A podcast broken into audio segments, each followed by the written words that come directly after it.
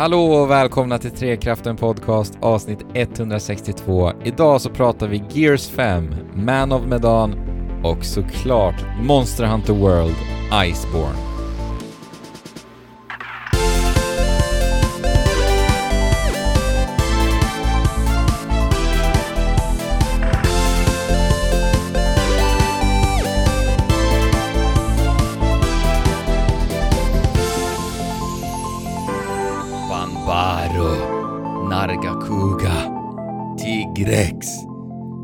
Velcana, Glavenus, Pajlen, Alex,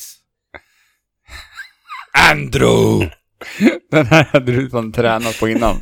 Jag lovar, du har stått där hemma och bara nu ska jag göra en riktigt härlig start på det här avsnittet. Så rabblar de här fräsiga monsternamnen. Är det så Andrew? Ja, jag tränade faktiskt, eh, repade till och med. Åkte till repan. Ja. Stod på bussen. Nej, i replokalen alltså. Jag bokade tid Jaha. i replokalen, stod där framför mikrofonen och övade in detta. Ja. Men eh, vad tyckte ni? Var det bra eller? Ja, det lät, Det lät hot. det lät skithäftigt. Ja. häftigt. Det, det, det var det viktiga, att det skulle låta häftigt. Men eh, ja, här sitter vi och spelar in podcast, Trekraften podcast, eh, som sagt, jag har redan hört. Här pratar Mm. vi tv-spel. Monster Hunter World Iceborne har ju släppts och eh, Äntligen. ja, det säger Pajlen. Niklas, välkommen. Du är gäst här Yes. idag. Eh, och Niklas, du är ju Sveriges största Monster Hunter-fan, brukar vi kalla det internt i Trekraften. Mm. Ja, jag skulle nog kunna titulera mig som det kanske. Eh, Ja. Du är ju där uppe i alla fall. Jag jag skulle tro det. Mm. Det är det nog. Och det är liksom den bästa gästen man kan ha när man ska prata om Monster Hunter såklart. Så Ja. det är därför vi har med dig idag. Det är bara därför, det är ingenting annat. Nej, Nej. precis. Eh, och Alex, hej. Hej. Också. Jag fick ju en eh, härlig välkomnande där i inledningen Ja. också, När du liksom försökte nämna våra namn på monsterhuntiska. Det kanske räck, hade räckt så bara. Sen, Sen bara köra. ja. Men Monster Hunter World, Iceborne.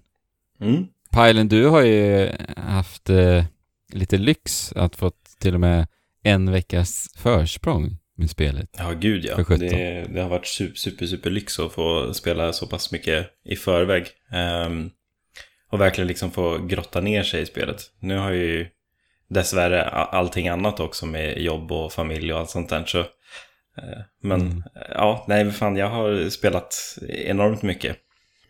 Eh, och, och liksom verkligen så här kötta på i storyn och verkligen försöka få en känsla för spelet och sådär. Så nu har jag väl stannat upp lite, försökt grinda lite, bygga mina första liksom mixet och verkligen bara ännu mer grotta ner mig i systemen och sånt där. Jag tänker så här, innan vi går in på det här Monster Hunter-snacket, för nu börjar det bli så här, vi, det blir lite nördigt direkt här nu i början, Monster Hunter. För det finns säkert Det- lyssnare ute som kanske hoppar in på så här första avsnittet av Trekraften idag, man vet aldrig. Men vi har, ju prat, vi har pratat Monster Hunter i den här podcasten eh, sjukt mycket. Det är nog det spelet vi har pratat om allra mest. Men jag tänker så här, eftersom vi har eh, Sveriges då, en av Sveriges största Monster Hunter-fan med oss. Kan du sammanfatta Monster Hunter på 30 sekunder? 30 sekunder, oj. Ja. Eh, börjar tiden nu? Ja, tiden Ja, börjar alltså nu. Monster Hunter är en spelserie som går ut på att eh, gå ut på jakt. Eh, man ska slakta monster, eh, ta deras delar, bygga rustningar och vapen utifrån tänder, klor och fjäll och hud. Och sen när man har gjort det så går man ut och slaktar nästa monster och så gör man det om och om igen. Alltså du klarar det på 21 sekunder. Det, det är inte så mycket mer än så egentligen. Nej. Det- Det är kanske den lättaste spelserien att förklara snabbt. Absolut, absolut. Mm. Och så vill, ni- vill ni veta mer om Monster Hunter så ska du såklart lyssna på uh, Monster Pep som du också, du tillsammans med Thomas är med och producerar nu efter att Precis.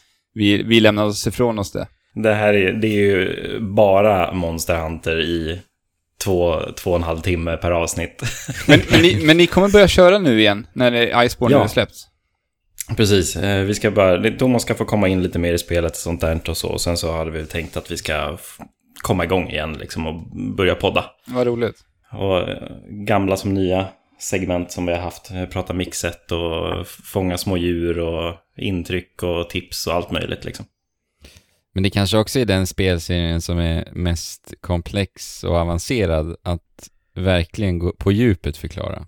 På tal, Ja. på tal om att det var lätt att snabbt beskriva vad, man, Det är, ju- vad det är. Ja, precis. Det är väldigt lätt att beskriva vad Monster Hunter är, men att sen gå in på djupet av Monster Hunter, det finns ju Ja. ett otroligt djup i det här spelet. Ja.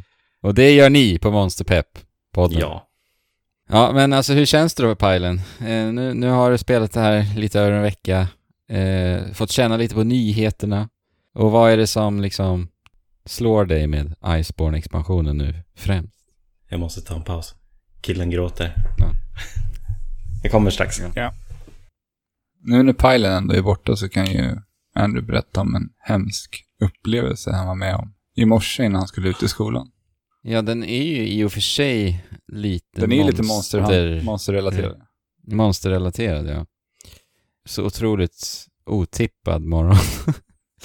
jag eh, var redo att gå till skolan, hade ätit frukost, gjort mig i ordning.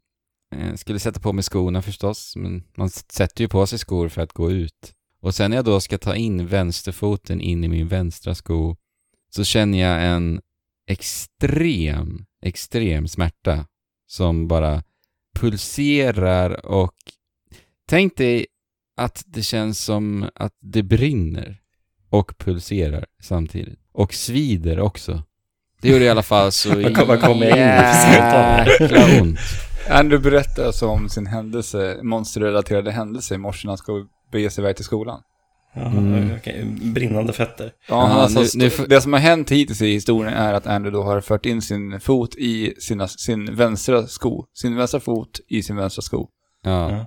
Och foten börjar brinna. Och det är så in i helvete ont. Jag kan inte beskriva hur ont det här gör. Det här hände i morse då, Pajlen. Ja. Och sen så i panik så liksom eh, skjut- skjutsar jag bort eh, foten från skon. Och sen så visar det sig att det är en jädra fucking jävla geting.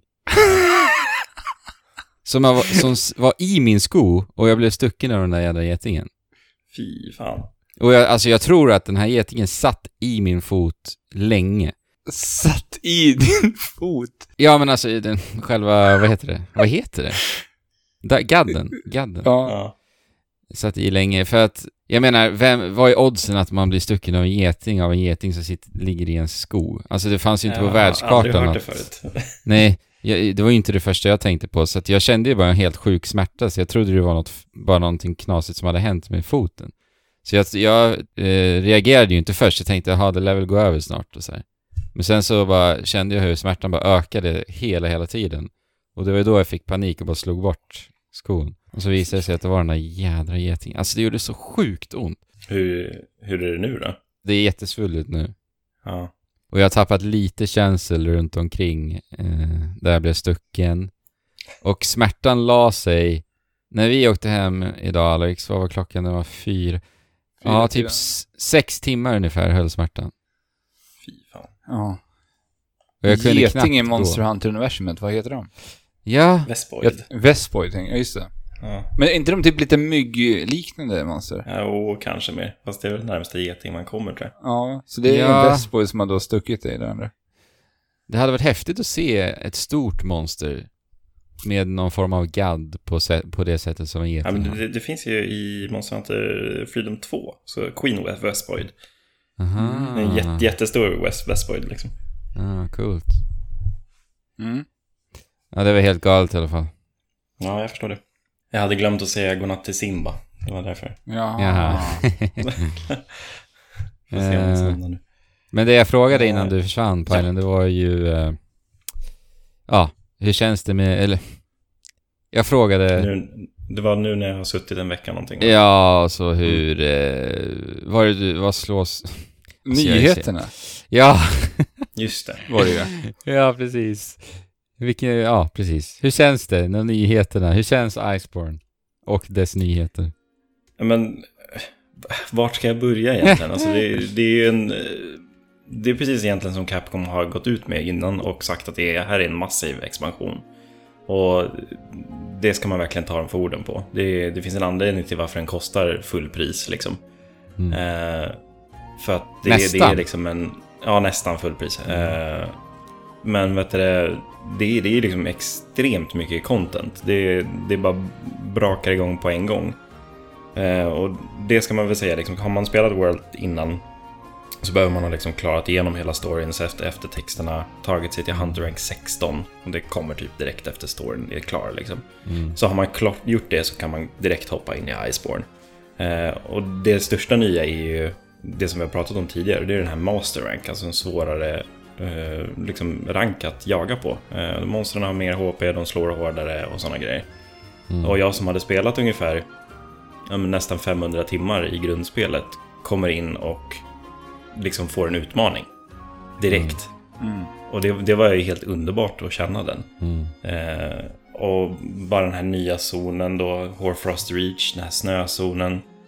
Vi har en ny stad vi befinner oss i, Celiana. Mm. Alltså, allting är så sömlöst och perfekt i symbios med varandra också. Det är helt fantastiskt hur de har byggt upp den här expansionen. Ja, verkligen. Och liksom, det, det stora med Monster Hunter är precis som jag sa i 30 sekunders grejen att det, det man ska göra är liksom jaga monster och det är en hel del nya monster till World. Även då gamla monster från tidigare spel då som är för mig som med ett veteran bara helt underbart att slåss mot. Mm. Eh, Det var en gammal goding som jag slogs mot här eh, förra veckan. Och bara så här, när låten kommer igång så, så sitter jag bara med ett flin i hela ansiktet och bara... Samtidigt som jag får stryk så liksom bara, ja men alltså det här är underbart. Mm. Och få se det här monstret liksom i den här liksom tappningen för PS4-grafik jämfört med 3DS liksom. Mm. Det, ja, alltså, det går inte att beskriva liksom min pepp för det här. Det är så enormt roligt att få dyka in i det här. Och alltså, jag, jag är inte klar på långa vägar än. Mm. Det, det finns mycket kvar att göra. Ja, det är en massiv expansion. Alltså, det är väl eh, ungefär eh, samma mängd monster som det var i World. Ja, om det inte är mer tror jag. Ja. Det, Så det är ju igen, det skulle ju Ja, typ det är, kunna det är vara... så pass många monster i Iceborne alltså. mm. om, man, om man räknar med alla varianter då, som det kallas. Ja, just det. det. är liksom en annan, en annan färg på ett tidigare monster som har då andra egenskaper. Mm. Eh, vi har ju Tobi Kadachi till exempel i grundspelet som är en... Ja, just eh, det. sorts- Viper då ja. Viper Ja, precis. mötte jag igår när jag spelade faktiskt. Precis. De är ju coola alltså. Jag tycker de, Ja, de är ju... de gör jättebra. ett bättre jobb med dem än vad de någonsin har gjort, skulle jag Ja, säga. det tyckte Men- jag också. För att alltså, du vet, när jag mötte Viper Toby Kadashi igår så eh, reagerade jag inte ens först på att det var honom. För att de har gjort om den så att den ser så pass annorlunda ut med så här, textureringsarbetet och sånt. Så, Men Mm. Och det, det, det, i grund och botten är det ju bara ett annat attribut de har. Alltså som Viper Tobi Kadachi är istället då Poison och Paralyze istället för elattacker. Mm.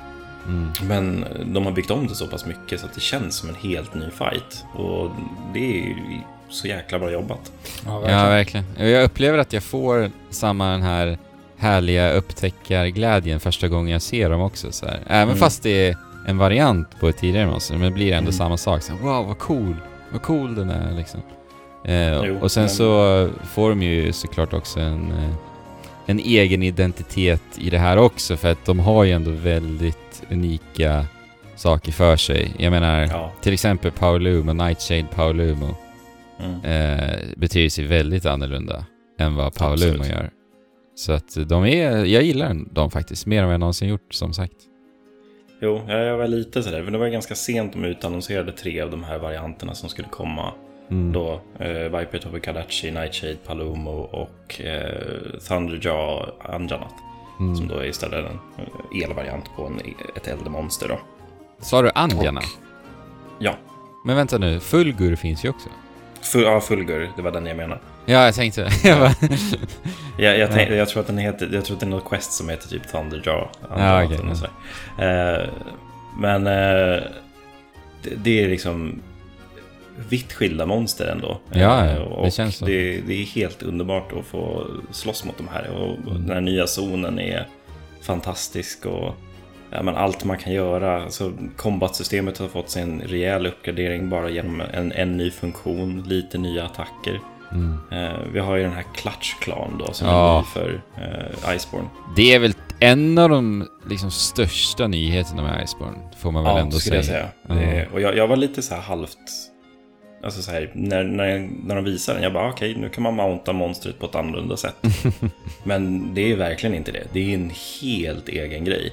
Mm. Som man verkligen kan använda på många olika sätt i en hand. Mm. Vi har ju bara den grejen att vi, de har gjort om systemet för hur man kan liksom försvaga kroppsdelar och sånt.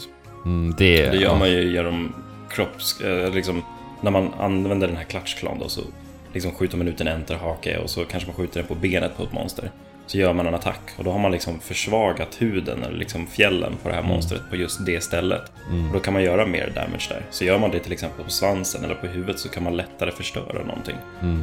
Eh, och så kan man liksom då använda den här slingen då som man laddar olika typer av ammos i för att liksom bara skjuta den i ansiktet på monster så att den chargear in i en vägg och ramlar omkull och ja, nej det, Men, det finns eh, så mycket att leka med. Men hur funkar det i pilen med Clutch Clan? För att jag har inte riktigt förstått mig på den här ännu. Jag är inte riktigt helt och hållet bekväm och bemästrat det här.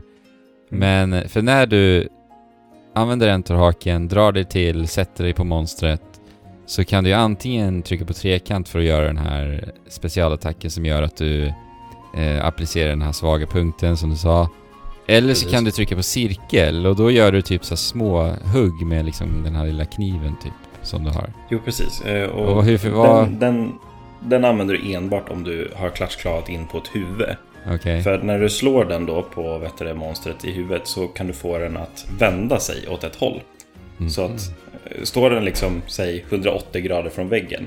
Mm. Slår du då med din klatschklav, med den här cirkelattacken, så vänder den sig ett, ett halvt, halvt varv ungefär. Så man Okej. kanske måste göra den en, två gånger så att den liksom pekar nosen in mot väggen.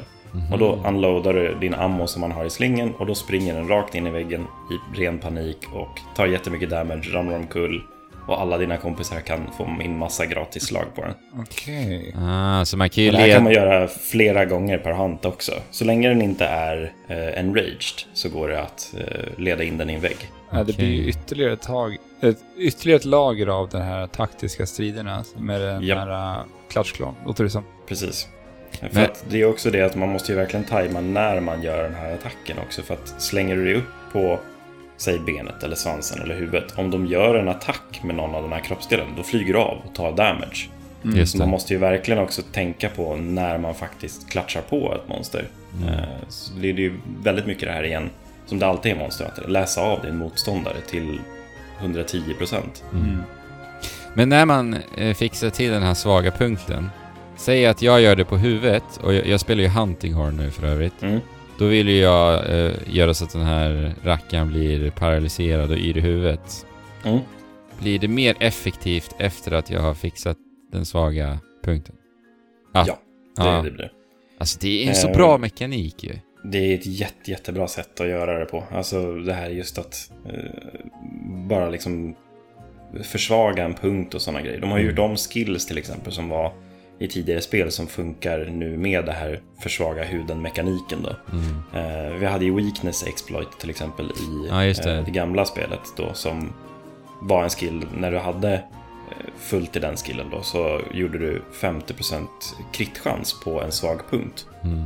Men den är bara 20% nu. Eh, om du inte försvagar huden. För om du slår på försvagad hud, då är det 50% krit. Ah, coolt. Men jag tänkte på Så- det här uh, när man försvagar huden. Visualiseras det på något sätt? Eller måste man liksom Ja. komma ihåg vart där du gör den här klatschklå-attacken? Nej, det visualiseras väldigt tydligt. Det Okej. blir liksom stora vita liksom, streck över hela monstret. Sådär. Ah, Eh, okej. Så man ser att den är liksom eh, försvagad på det stället. Mm. Det var ju en mekanik som fanns i World tidigare. När man bara slog på typ benet så vart det liksom så här eh, förstört. Ja. Men de tog bort det och la till det till den här klatschkla-attacken istället för att man lättare skulle visualisera det. Mm. Så ja, Ja, jag älskar klatschklåen alltså. Jag, ja jag, det, det, det är mycket, mycket djupare än vad jag trodde som sagt. En sak jag upptäckt man kan göra med den också, det är att man kan ju typ använda det för att väja för attacker också. Mm. Eh, till exempel mötte jag Puckey Puckey, Coral Puckey Puckey Ja. heter den va? Japp. Eh, och den eh, blir lite så här crazy och sprutar lite vatten överallt i 360 grader runt omkring sig. Eh, och istället för att bara hoppa, Superman-hoppa igenom det här vattnet som, den här strålen som den sprutar, så bara tog jag klatschklon och satte mig på den och väntade ut den. Ja. Ah. Jag gjorde samma sak mot ett monster jag mötte som här, sprang upp för en kant. Liksom, och det här, vissa kanter kan man ju liksom springa upp för och klättra upp för och sådär. Mm. Eh, Men den här kanten är just i zonen som heter Rotten Dale, så måste man springa en ganska lång omväg. Mm. Och jag var såhär, nej nu klättrar den upp där. För jag har ju sett hundra monster göra det tidigare. Så bara, vänta, klatschklan. Så precis när den började klättra upp så sköt jag den på svansen. Så då hängde jag bara med upp över Ah, kanten. just det. Och kunde liksom fortsätta min eh, liksom assult på det här stackars monstret. Men det är, det är också så härligt när monstren ska byta platser, byta områden. Mm. Då bara, äh, men jag sätter mig och hänger med. Ja. så himla härligt. Det går så länge de inte flyger, för då ramlar man av. Ja, okej. Ja, men då har de Ja, faktiskt det. löst ett av de här tråkigaste delarna av Monster Hunter och det är just det här när man måste, när ett monster rör sig från, till en annan zon och man måste bara springa efter för man bara vill få ner det monstret så snabbt som möjligt. Då, uh, Clash Clan löser ju det. Mm. För då kan man verkligen Ja, hoppa upp på det och bara, bara dunka vidare. Ibland kan det vara är skönt att börja. Ja, att få en liten andningspaus. Nej, jag sa, Ja, jo, nej men det är det. ibland kan det vara skönt. Ja. Eh, slipa vapnet lite och allt vad det var. Jo, men det finns ju en annan grej också som jag har använt ganska mycket som på förhand jag tänkte skulle vara ganska tråkigt. Och det var ju det här Tail Rider Safari. Mm. Ja. Eh, där man kan liksom, ja men det, det finns vissa små liksom stammar av olika varelser i alla olika zoner. Och alla de har förmågan att liksom tämja de här mindre monstren på zonen. Just det. Ah, Eh, just det. och det här kan man ju lära sin katt då att samarbeta med de här olika stammarna i de olika zonerna. Och med det så kommer då att man får tillgång till Tail Rider Safari, vilket är en liten ikon man trycker på. Då tillkallar man sig en, en liten ödla eller ja, Jagras som är i Ancient Forest till exempel. Och då kommer den fram och då kan man hoppa på och rida på den. Och den sniffar fram det monstret man jagar för tillfället. Och springer dit automatiskt. Man behöver inte ens styra någonting. Ah, Okej. Eh, och då, man kan vässa sitt vapen samtidigt som man sitter på det. Man kan dricka potions eller cool drinks eller hot drinks eller vad man nu behöver göra. Eh, så att man kan förbereda sig liksom samtidigt och inte behöva styra någonting. Man kan bara avnjuta en skön liten åktur. Så Ah. det har jag använt ganska mycket nu. Eh, speciellt i Ancient Forest som är så massivt stor. Mm. Och massa olika plan och grejer. För att jag typ efter fortfarande snart 500 timmar så går jag vilse i den där jävla zonen. Ja, det har de verkligen lyckats med att designa en skog som en, Ja. som en skog ska vara. Alltså, Precis. man ska gå vilse i skogen. Ja, Men är inte Horfrost Reach den största zonen av alla? Det, det ska vara den största zonen, ja. Och, Du- Men det, det, just, just så här, Ancient Forest, Horfrost Reach är... Horfrost Reach är stor och plan. Ancient Forest är stor i många lager. Ja, jag vet. Just det. Med trädet där i mitten och grejer. Ja. Ja. Jag har ju sant. bara hunnit spela en eh, drygt två timmar, två, tre timmar eller någonting i Iceborne. Och eh, Mm. jag har ju också bara fått höra det på förhand att, att den här Horfus Reach ska vara den största banan till ytan än så länge. Men det jag tycker de gör så himla snyggt är att de första liksom, uppdragen i spelet som man kastas in i är att de, de spelas ju på en, bara en liten, liten del av den här kartan. Mm. Och Mm. man har liksom inte låst upp den, men man rör sig där och upptäcker nya saker i den här lilla, lilla delen av kartan. Vilket jag tycker Mm. det är så här, det finns mycket kvar att se av den här kartan, trots att man jagar nya monster på den här lilla delen bara. Jo. Ja, och sen slogs jag lite av... Jag var inte beredd på det, att man kommer ju faktiskt behöva bege sig tillbaka till Astera ibland också. Jo, Mm. det, det, det kommer komma i story och i... Ja. Ja, men vanligtvis också. Inledningsvis tyckte jag det kändes lite tråkigt att det hände så snabbt. För att det var så här, typ efter två monster eller någonting. Sen bara ska man tillbaka dit. Jag bara, men jag vill ju vara i Celiana, hallå? Ja, även, Men- det, det går ju att välja lite grann också så här, vart, vart man befinner sig. Så där. Jag brukar faktiskt föredra att vara i Celiana just. Ja, Kan själv. vara för att jag har varit 400 timmar i Astera. Ja. Eh, Men eh, ja, jag tycker att det är mysigt eh, just att få, få befinna sig där. Vi har ju alla liksom, nya karaktärerna och sånt där också som får Mm. väldigt, väldigt mycket mer fokus i storyn nu jämfört med eh, vad de fick i grundspelet. Alltså grundspelet så story. jobbar de... Ja, det, det, det, den, är, den är vad det är. Det är inte fantastiskt. Eh, Men eh, jag skulle säga att det här är by far den mest intressanta storyn Jaså? hittills av Monster Hunter-spelen jag har spelat. Mm. Just för att de faktiskt fokuserar mer på karaktärerna och sådär. Jaha, shit. Det man får lite mer utbifat liksom vem de är och vad de har för mål och eh, lite sådana grejer. Alltså, jag, jag skulle precis säga att Monster Hunter är nog den spelserien där jag bryr, bryr mig allra minst om storyn av alla spel. Faktiskt. Ja, det är förståeligt. Det är förståeligt. Jag, jag, om jag ska vara ärlig så trycker jag ju faktiskt förbi det mesta som sägs när jag spelar. Gör här. det, det ska man ju inte göra. Det är ju massa roliga textbitar och sånt. Är det så? Ja, Mellansekvenserna, Fast- de ser jag med nöje. Särskilt när man Ja. stöter på nya monster. För de är ju så otroligt, otroligt snygga. Men eh, så fort det kommer så här text, ni vet när fi fiender... När karaktärerna bara står med armarna i kors och tittar på varandra och munnen rör sig, då trycker jag förbi. ja. Eller när man ska det- ut på, eller när man ska ut på expeditionsuppdragen. När man ska bara följa med sin eh, handler. Ja, jag De lyssnar ska inte. bara gå och babbla om att ja, men nu är vi ute och letar efter det här och så ska jag hitta de här grejerna. Så följer man bara med och lyssnar på Ja. när de babblar. Jag har ju. Monster Hunter Language dessutom, så jag hör ju inte Ja. ens vad de säger. Nej, det har jag också. Man kan inte spela med någonting annat. Man kan inte spela på engelska. Nej. Nej. Nej. Du måste ju nästan ta och lära dig Monster Huntiska. Men de, de ändrar ju det, det, språket. det är det som krävs för att du ska verkligen ska bli det, det absolut största Monster Hunter-fanet i Sverige. Det får bli ett segment i Monster Pep. Ja. När Ja, och får, var, varje avsnitt försöker lära mig ett nytt ord på Monster Hunter Language. och sen, sen, tar du eh, det till din familj också så att ni börjar prata så i familjen också.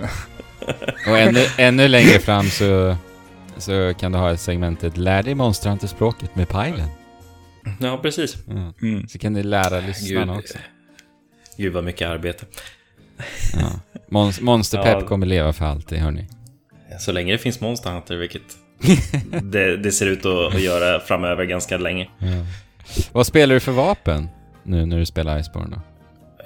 Kan du gissa? Alla. Jo, nej, jag vet. Jag vet vad du ska svara. Du kommer ju svara som Punko, Street fighter spelaren Visst heter han så? Ja. Som, eller Punk var det väl som sa det? Att eh, han spelar spelet. Mm. Mm. Det är- Grannen Hiro säger också det. Vilket vapen menar du? Det här spelet? Mm. Ja. Okej, Jag men okej om vi säger så här då. Vem, vilket vapen spelade du igår? Eh, vilket vapen spelade jag? Longsword spelade jag igår. Eh, Ja. Ganska mycket. För visst är det så att alla vapen har fått nya attackmönster? Ja, det, det finns några nya funktioner till alla. Eh, och framförallt liksom är det ju den stora grejen att man kan köra den här klatschklan då eller Mm. eh, ja, men använda slinger ammo på ett annat sätt, liksom kanske mitt i kombos och sådana saker. Eh, det är jätteanvändbart till longsword till exempel har jag märkt nu när jag spelade ganska mycket igår att eh, när man gör sin så här, spirit combo heter den eh, så är man ju ganska öppen för att bli träffad eh, av monstret. Men gör man en eh, slinger burst då som det kallas mitt i den här spirit kombon så flinchar ju monstret oftast till. Och då kan man liksom fortsätta den här kombon utan att riskera att bli träffad. Mm. Eh, och så länge man har slingerammo så kan man ju liksom bara Ja, men man kan peppra den efter man har gjort ett slag i spirit-kombon liksom. Så kan man hålla den här gående Shit, och bara coolt. vara eh, superaggressiv. Ja. Vad spelar du för vapen, Alex? Eh, jag fortsätter på jag slutade i, med i Monster Hunter, för då höll jag på att bygga ett Switch, Switch Axe support-set. Så att eh, det är det jag har spelat de här inledande, inledande två, tre timmarna i Monster Hunter Iceborne. Mm. Ja, jag har inte heller hunnit med jättemycket. Jag och Alex började ju spela i fredags, vi spelar in måndag. Eh, jag har spöat typ sex monster tror jag. Så jag har kanske spelat fem, sex timmar eller någonting. Ja, jag har kommit till typ Master Rank 4 tror jag. Vilket är typ fyra monster. Det verkar som att man klättrar en level för alla monster i början. Ja, kanske är så, jag vet inte. Jag är 19 tror jag. Mm, shit. Ja. Eh, jag spelar Huntinghorn som sagt i alla fall. Just det, du ska försöka lära dig den nu. Ja, jag förberedde lite inför Iceborne förra helgen redan. Eh, och började liksom känna på det här vapnet. Jag har ju varit intresserad av det ända, alltså länge. Och, sen, det är ett underbart vapen. och alla som spelar Huntinghorn säger ju att Huntinghorn är fantastiskt. Ja. Men den, den skaran människor som, som spelar Huntinghorn är väldigt få. Det är det verkligen. Ja. Det är, jag, jag tror att det, det finns ju en NPC man kan möta ute på zonerna eh, som eh, spottar ut sig statistik för hur många som använder eh, vapnen. Mhm. I Ja, procent. just det, det har jag sett.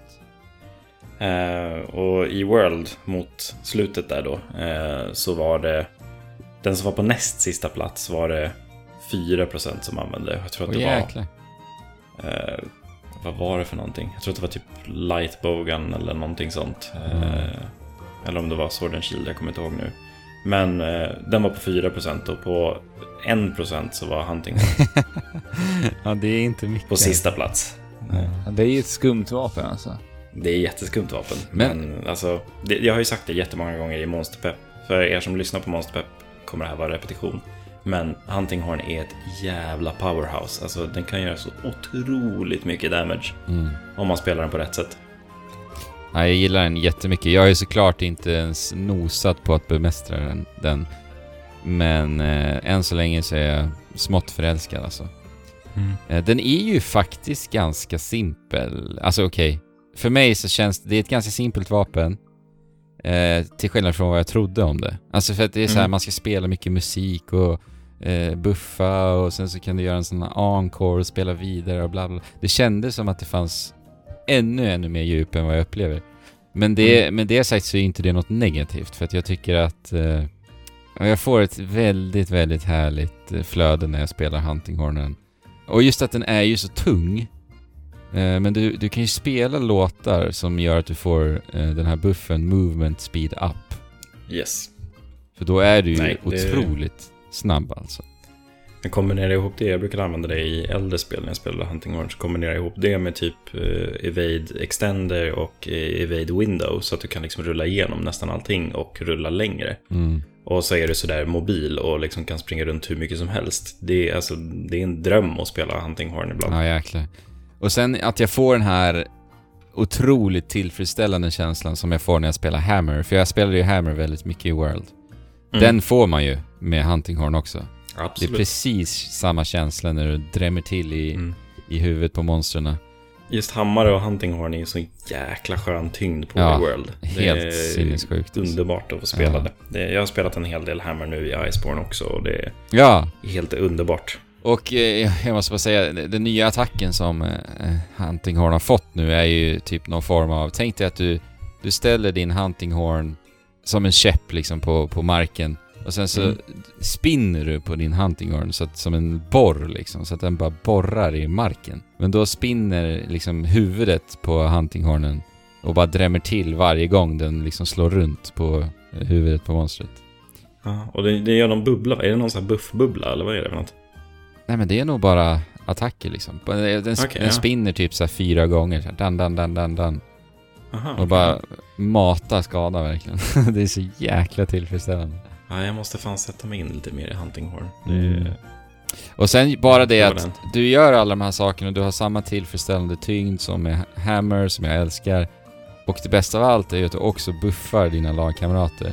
Så att Mm. de du spelar med är ju liksom superlyckliga av att ha med dig. För att Mm. de, du hjälper dem så pass mycket. Och det är ofta, med, jag, jag har ju spelat nu i helgen här och man hör ju de jag spelar med att de blir väldigt nöjda. Bara, Bra, yes, vad skönt. Attack up XL och Defense up Ja. XL. Och det är så... Men, så- men, är det så så med all, men är det så med alla huntinghorn så att alla alltid buffar? Som spelar med Ja. huntinghorn? Det är så? det är det. Men det är olika buffar beroende på vilket Hunting Horn du använder. Ja, exakt.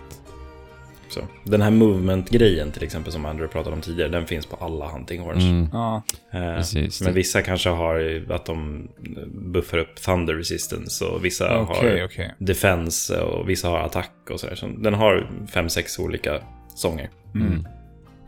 Ja, otroligt roligt vapen, verkligen. Mm. Ja, det, är, det är väldigt, väldigt unikt. Det är det. Mm. Så, ja, nej, det, det, det finns, finns inte nog med man kan prata om det här. Det är ju vad är, det, 14 vapenklasser och alla är liksom vitt skilda från varandra. Det är ett helt nytt spel att spela Att liksom byta vapenklass liksom. Ja, Vad ja, nice det skulle vara att liksom spela ett helt fullt synkroniserat lag där alla spelar varsitt huntinghorn. Vad man kan Ja. buffa varandra. Det måste kunna gå riktigt fort då. Alltså. Men hur, Pajlen, vet du om det stackas buffarna om man spelar flera hunting horns? Jag vet faktiskt inte hur det är. Det hade ju varit helt sjukt i så fall. det hade varit galet. Skulle, skulle inte tro det faktiskt. Nej, det borde ju faktiskt inte vara så. Men å andra Man, sidan... man tänker eh, på att man får en attack up large liksom, och sen så får man en attack up XL. Då kan man inte få en till attack up XL. Nej, det hade varit sjukt. Ja. En fråga Pajlen hade- inte kan svara på alltså. Hör ni? Mm. Hör ni det? Jag, jag, jag tänker mig att då, det finns ju ett eh, speedrunning-team som speedrunnar Monster Hunter ganska friskt. Eh, Mm. Team Darkside heter de. Mhm. Mm. Ehm, och de, de brukar göra helt sjuka kombos och sånt där. Jag har aldrig sett dem använda liksom typ fyra hunting horns. Så jag tror inte att det funkar faktiskt. Mm. För då, då hade de nog gjort det. Ja, det hade de nog. Jag måste säga ett upplyft det här spelet verkligen har lyckats med. Det är ju Gathering-hubben. Oh ja, gud. Där kan man sitta och göra ingenting och det är helt underbart. Ja, alltså det är fantastiskt. Gathering Hubben för de som inte vet är ju där vi samlas alla jägare när vi spelar eh, online. Och vi kan träffa varandra, vinka till varandra. I Monster Hunter World Iceborne nu så kan vi bada i varma källor tillsammans här. Vi kan basta. Vi Mhm. kan eh, fotbada. Vi kan fotbada med våran katt. Katter också, ja precis.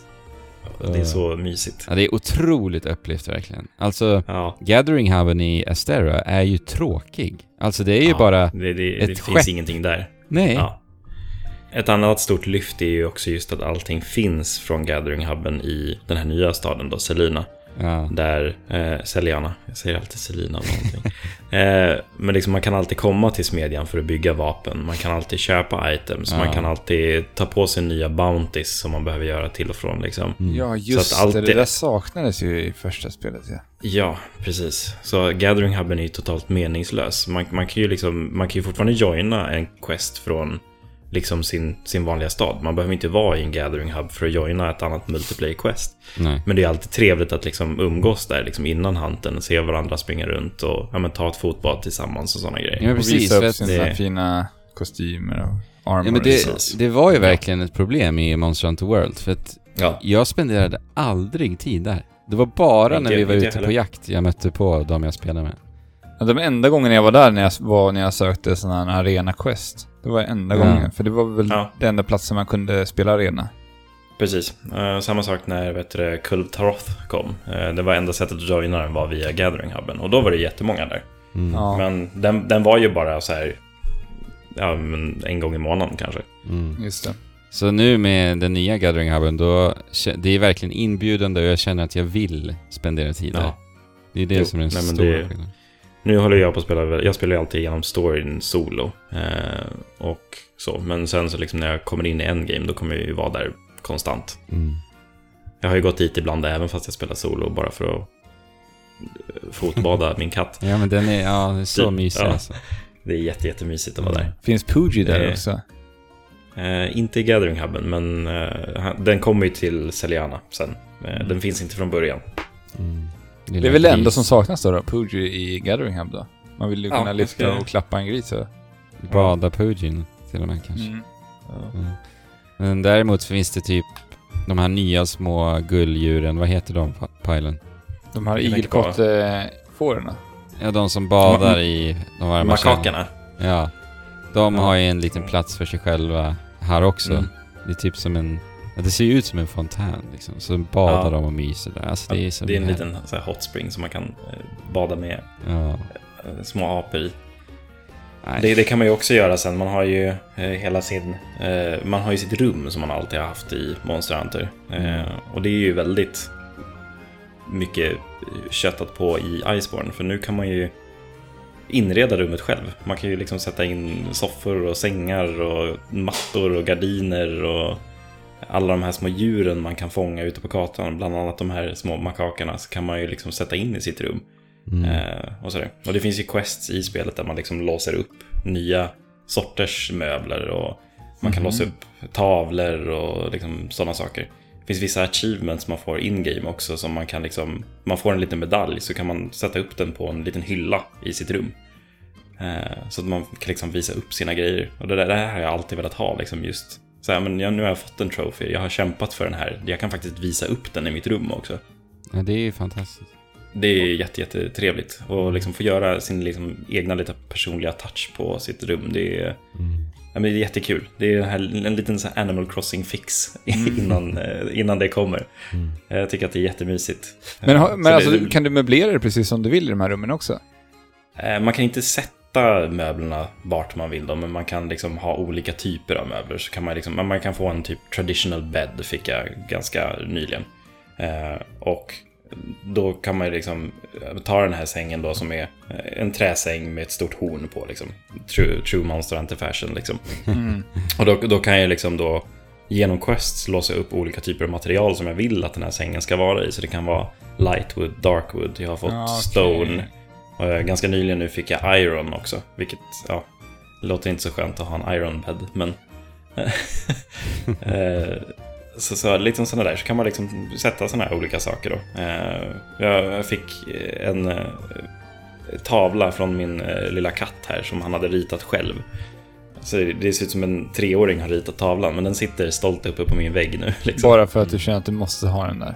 Ja, precis. Mm. Jag har, jag har även ett eh, så här, oljemålat porträtt på handlern också, bara för att hon är knäpp i huvudet.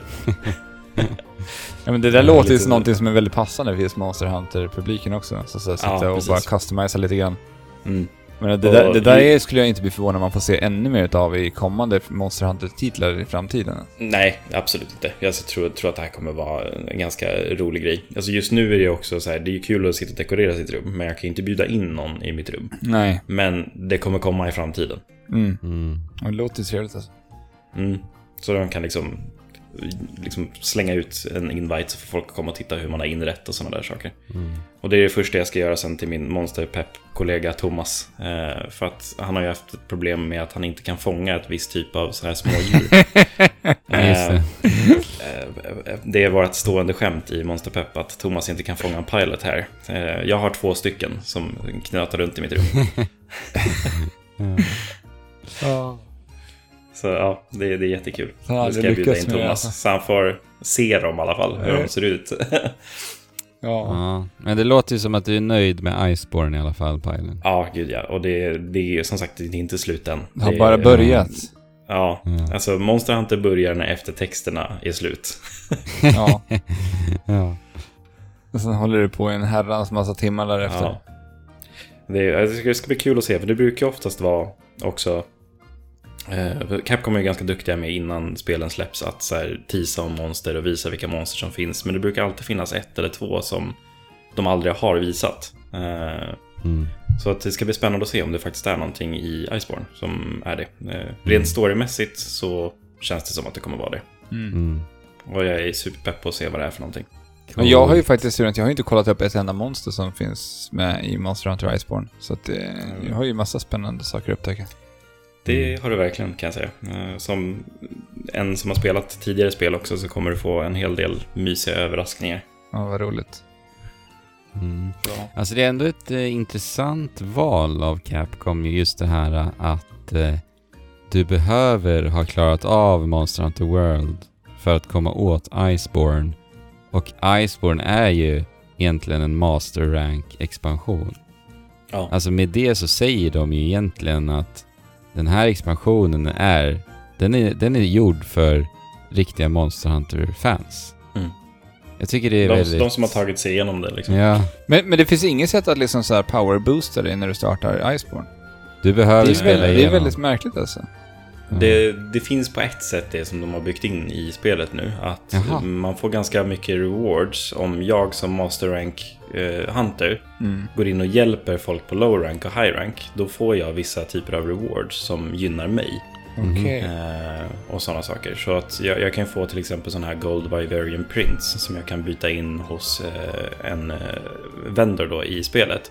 För att få eh, så här rare materials som jag kan använda för att bygga upp mina rustningar och sådana grejer. Så det finns en liksom bra grej med att hjälpa andra. Och det, det, har jag, det gör ju communityt redan ändå. Men det är väl för Eh, dig sen så då? finns det en- Eller? Ja, precis. Det är för mig då. Och sen så hjälper jag ju då någon att komma vidare Jo, eh, i såklart. storyn och sådana saker. Såklart. Eh, och det, man väljer ju det själv. Man behöver ju inte välja att tillkalla hjälp. Om man vill spela solo då behöver man inte slänga upp den här SOS-flare som man kan göra. Men gör man det, ja men då kanske det kommer någon på Master Rank 19 när du är på Low Rank. Mm. Eh, och så. Man kan ju också få lite sådana saker som eh, Pendants är ju nytt i Iceborne också. Eh, och det är bara en ren kosmetisk grej som man kan få genom att hjälpa personer. Eh, och det kan vara en liten symbol som hänger på en kedja från ditt vapen. Eh, Aha, I silver. Eh, liksom. Och det är bara en ren kosmetisk grej. Det gör ingenting förutom att liksom, smycka ditt vapen lite Ja, grann. men hu- hur viktigt är inte det va? Det är jätteviktigt. Ja. Jag älskar sånt. Ja, ja men vad roligt. Så, men, eh, så det, det, det, det finns ju liksom en inbyggd liten boost då egentligen. men hur låser du upp såna här då, menar du? Alltså du bara... Pendants. Ja, Du f- fortsätter i storyn en bit så kommer du Ah, komma okej. en så här tutorial window där det står att du kan få pendants. det låter ju Om du kul. inte redan kan få det, om du går in och typ söker SOS flares för low rank så kan du börja få pendants Jaha. tror jag. Okej. Vad häftigt. Mm. Kul. Så det, ja, man, man, man rewardar några för att hjälpa andra liksom. Mm. Det, det är så Monster Hunter-communityt har funkat alltid egentligen. Men Mm. nu finns det ren vinning i det också. Mm. Capcom eh, uppmärksammar det Ja, och gör någonting, någonting med det. precis. När jag hoppade in i Iceborne så, så eh, var jag helt och hållet borta alltså. Det är inte det Mm. lättaste spelet att hoppa in när du har spenderat 130 timmar redan. Nej. Alltså jag glömde ju typ bort att jag skulle eh, äta mat liksom innan, innan jag skulle ut och slåss. Så med det sagt så har ju, har ju mycket av min tid nu varit att komma tillbaka in i rytmen igen liksom. Jo, Mm. nej, men så är det ju. Det har ju varit lite exakt samma upplevelse för mig. För att Mm. det första fighten som jag kastades in i hade jag otroligt problem med. Och det var ju också sånt där slarv som att jag hade ätit lite fel mat och hade inte preppat mig. Så kom jag på, just det, fan det är ju kallt ute. Jag måste hålla koll Mm. på det här hela tiden så att jag inte fryser och tappar min stamina. Mm. Och sen Och, eh, hantera sin eh, itemlåda och massa saker bara. Glömde Ja. bort helt. nej, men det, det blir väldigt överväldigande för att eh, det är Mm. så här, inlärningskurvan att komma igång med Monster Hunter. Det, det, det tar ju tid. Mm. Ja. Verkligen. Nej, men det var ju rostigt för mig också i början. Alltså att komma in i själva tänket. Mm. Eh, liksom, ja, men hur gjorde jag med det här vapnet nu igen? Eller liksom, ja, det här itemet ska jag ha nu och ja, men alla nya funktioner och allting sånt. Det är också... Jag, jag sitter ju och går igenom mina Hunter Notes som man har en liten menyval för ibland. Mm. Liksom för, för att kolla igenom. Mm. Ja, vad var det här monstret svag mot för element nu igen? Ja, just det, precis. Mm. Så ja, Nej, men det, Ja. det, det är ett fantastiskt spel som man kan grotta ner sig enormt mycket i. Mm. Ja, det är otroligt. Jag, jag är så glad att jag är bara, också bara skrapat på ytan. Mm. Så att jag har mycket framför mig. Och vi kommer ju säkert prata om mer Monster Hunter framöver. Det hoppas jag. Ja, för sjutton. Jag får, ald- jag får aldrig nog av Monster Hunter. Nej, det är därför det passar så bra för dig att ha en podcast helt dedikerad till det här. Ja, det är jävligt skönt. Jag gästar gärna eran podd om ni vill prata mer Monster. Ja. Vill ni Det- prata mer Monster? Det är frågan. Vad tror du? Jag- skulle kunna sitta en timme till här och bara prata Monster Hunter. Nej. Vill ni höra mer Men det-? Lyssna på Monster. Jag håller med. Ja. Eh, ja, från det ena till det andra. Det här blir ju eh, årets bästa jädra segway. Alex, du har spelat ett annat sp- spel Mm. Ja, det har jag faktiskt. som inte är Monster Hunter. Nej, det, det är spöken. Jaha. Är det spöken? Ja, Okej. det innehåller spöken. Jädrar vad entusiastisk du låter. Jag är pepp på det här spelet nu, Alex. Du måste sälja in det här. Är det så? Men du vet vad jag Ja. pratar om? För jag, Jag pratar om, pratar jag, om. jag pratar ju om spelet Man of Medan. Ja, Alltså Medan. Supermassives Games nya spel. Supermassive var ju de Precis. som låg bakom eh, Until Dawn. Mm. Spelade du det? Eh, ja jag har spelat lite grann, eh, men inte hela. Hur, hur Okej. uttalar man det på engelska? Alltså, Man of Medan. Ja, Jag, jag säger Medan, jag vet inte om det är rätt. Jag tycker det låter rätt. säger man Medan? Ma- Ma- Man of Medan. Ja, men man säger inte Medan på engelska, eller? Jo, men det tror jag du kan säga. Kan man? Jo, jag tror det. Inte Ja. Miden. Miden. Ja men det är det, min, Nej, jag- jag min hjärna inte. nu kände att det skulle vara mer rätt, men det kanske inte. Ja, det kanske... Jag vet inte. Vi- Vi säger, det är två stycken som säger Medan nu, så att det får bli rätt för det här avsnittet i alla fall. Så får vi väl Ja. kolla på det sen. Ja. Får, Eh. får jag heta det i avsnittsnamnet? Man of M-Ä-D. ja. Madan. ja. ja. Eh, Supermassive Games nya spel, som de eh, faktiskt den här gången ges ut av Bandai Namco, vilket jag tyckte var lite oväntat. Eh, För jag, jag hade inte Jaha. riktigt jättebra koll på det här spelet innan det kom. Eh, såg någon trailer och sen bara, aha, Supermassive Games. Spännande, tänkte jag. För jag, jag spelade ju Until Dawn och tyckte det var en eh, superkul idé. Att, så här, Mm. Det var första gången vi fick liksom spela en sån här teen slasher-film interaktivt och göra, ta alla de här olika besluten under det här skräckmomenten som händer. För det, har man, det, det är någonting man alltid, när man, när man tittar på skräckfilmer genom åren så blir man ju alltid så fruktansvärt irriterad och eh, på de här dumma besluten som karaktärerna ofta tar. ja att karaktären Nu får göm- du stå för de dumma besluten. Ja, precis. Eller de som jag tycker så här, fan, är de rätta? Men alla är just i slutändan ganska så dumma ändå. Hoppa ut i fönstret istället för att gömma dig under sängen. Exakt. Mm. Så jag, jag, jag var ju väldigt exalterad på Man of Medan av den anledningen att jag skulle kunna få spela den här typen av spel igen, fast i en helt annan setting. För den här gången Mm. så spelar vi som ett gäng unga vuxna som ska ge sig ut till havs för att utforska ett eh, gammalt, gammalt flygskepp som har blivit eh, nerskjutet eh, i slutet på 40-talet. Mm. Så eh, de eh, har tillsammans eh, beslutat sig för att de ska ut och dyka och de har hyrt en båt utav en kvinna som heter Fliss. Och sen är det två stycken bröder och hans flickvän som ger sig ut och flickvännens bror som följer med. Och där spelar ju den här Sean Ashmore, alltså han som var huvudkaraktären i Quantum Break. Oj. Får han göra någonting? Ja, han är med där. Och han var väl också med i X-Men som Iceman. Ja, just det. Ja. Så han, så han är ju med i ett till spel nu. Han börjar bli liksom riktig kändis inom spel nu, får man väl ändå säga. Man har varit med i två spel. Han är spelvärldens nästa Nolan North. Ja, nästan. Kanske. Fast Nolan North Ja. lånar inte ut sitt ansikte så mycket. Det gör han i och för sig inte. Sean, Sean Ashmore säljer ju ut sitt utseende till spel. Ja. Så han är ju med här också.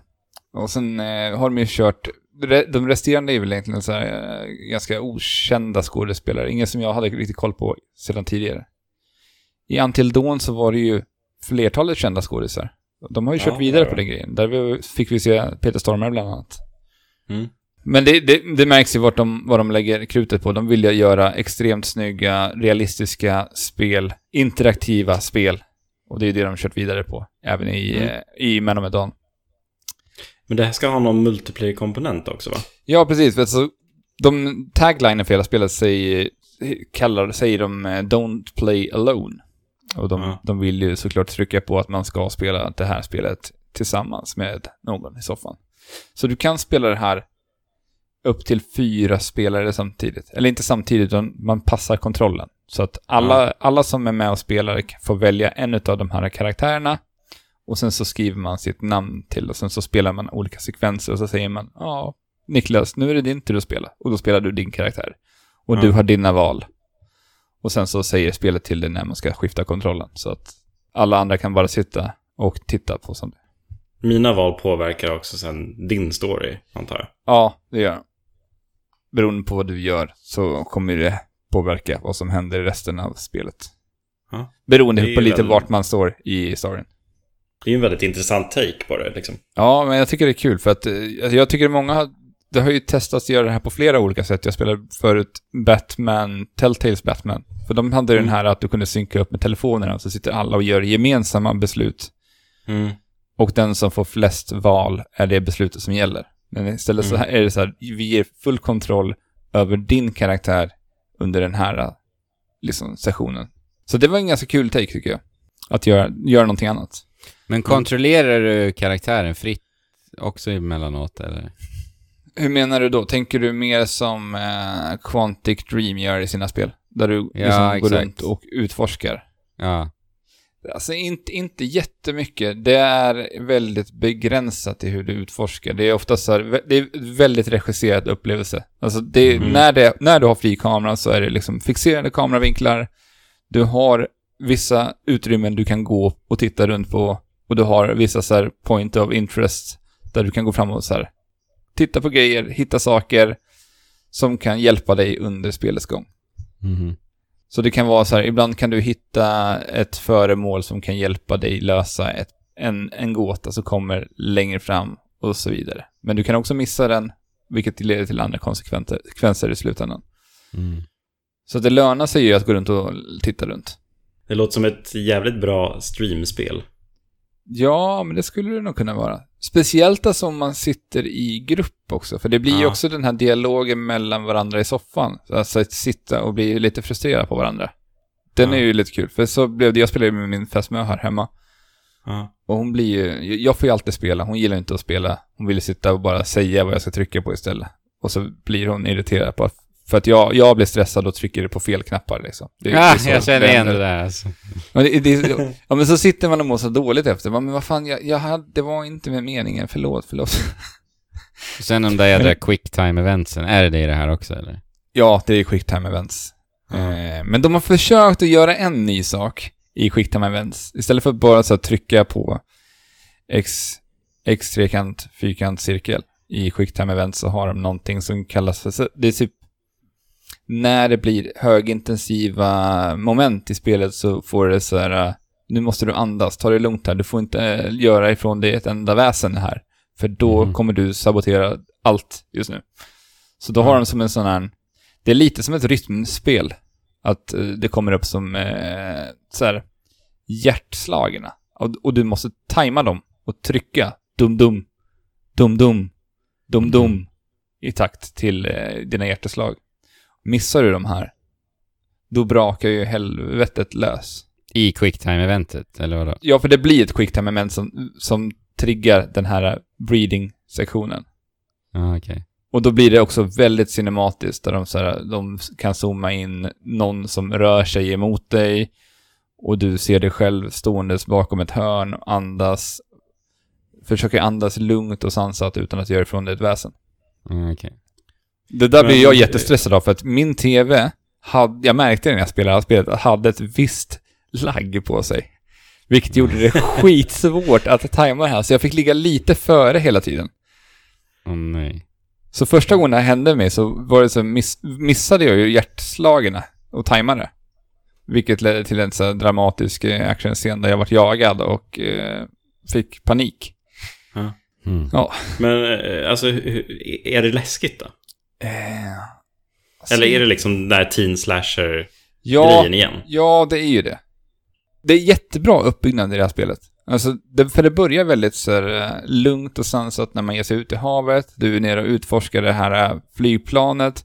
Och sen så hittar de såklart ett nytt spår som leder dig till det här eh, stora spök, spökskeppet. Men sen tycker jag att det- det, det faller lite på, för uppbyggnaden är skitbra. Och man, Mm. det börjar skapa väldigt mycket av det här, liksom, men vad är det som har hänt på det här skeppet? Men därefter så bara, ra- alltså det, det går lite för väl, väl fort fram tycker jag. Jag vill ju ha den här långsamma uppbyggnaden där jag börjar fantisera och bygga upp det här läskiga i huvudet på mig själv. Okej. Ja. Men där Man, blir... man, får liksom, man får se grejen för snabbt liksom. Exakt. Ja. För att det, Det, det där är alltid tråkigt. Men det funkade ju när Until Dawn kom, för då var det så här, det, Mm. var, det kändes nytt och fräscht då. Alltså man bara så, det, det behövdes inte göra någonting mer då. Men jag förväntade mig nästan att, nu är det ett tag sedan som Supermassive släppte Until Dawn, att de hade liksom tittat på att göra någonting mer med själva skräckspelet. Mm. Men det blir väldigt mycket eh, samma grej. Jag känner inte att det händer så mycket mer nytt med det här spelet. Förutom att det är en helt annan kontext och en helt annan miljö. Och eh, Mm.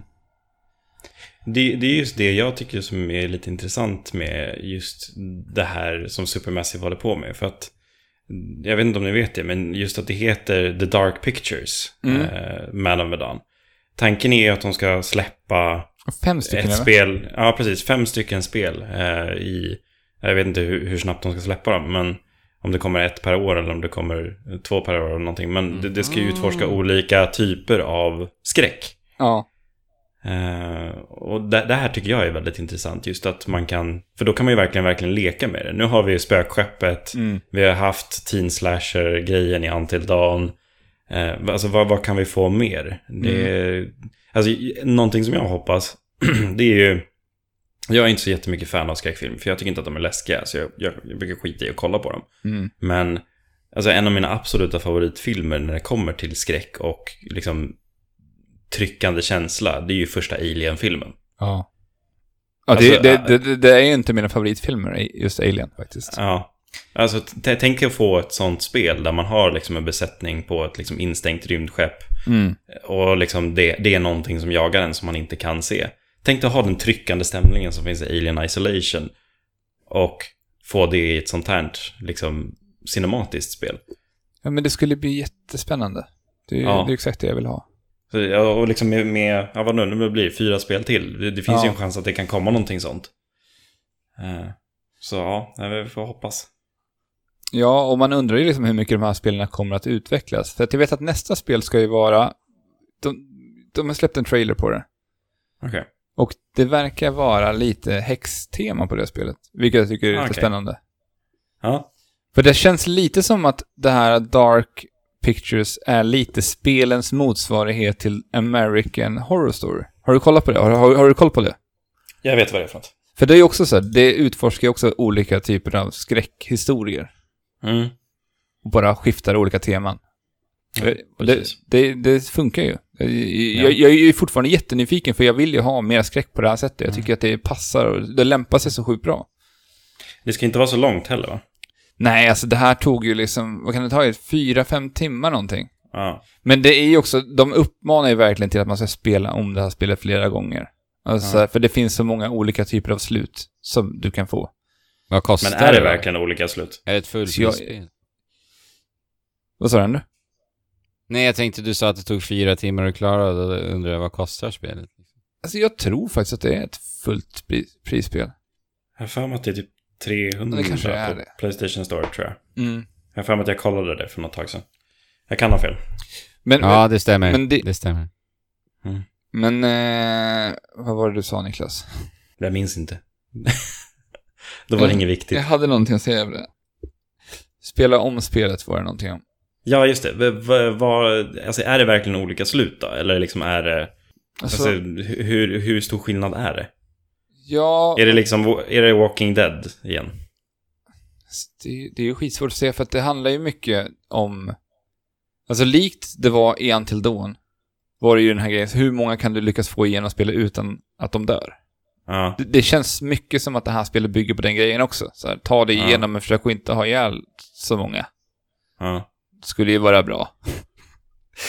Men jag vet inte hur mycket det skulle förändra slutet liksom. För det känns som att de går ändå emot samma öde. Okej, ja. Ja, nej men jag, jag är nyfiken. Alltså det, det verkar vara ett bra så här roligt soft co-op liksom. Ja, men det, ja, men det är det. det vi, vi var ju väldigt sådär, vi satt, tog det liksom i två, två kvällar. Mm. Och jag vart ju väldigt Nej. liksom indragen i det, men det är ändå så här.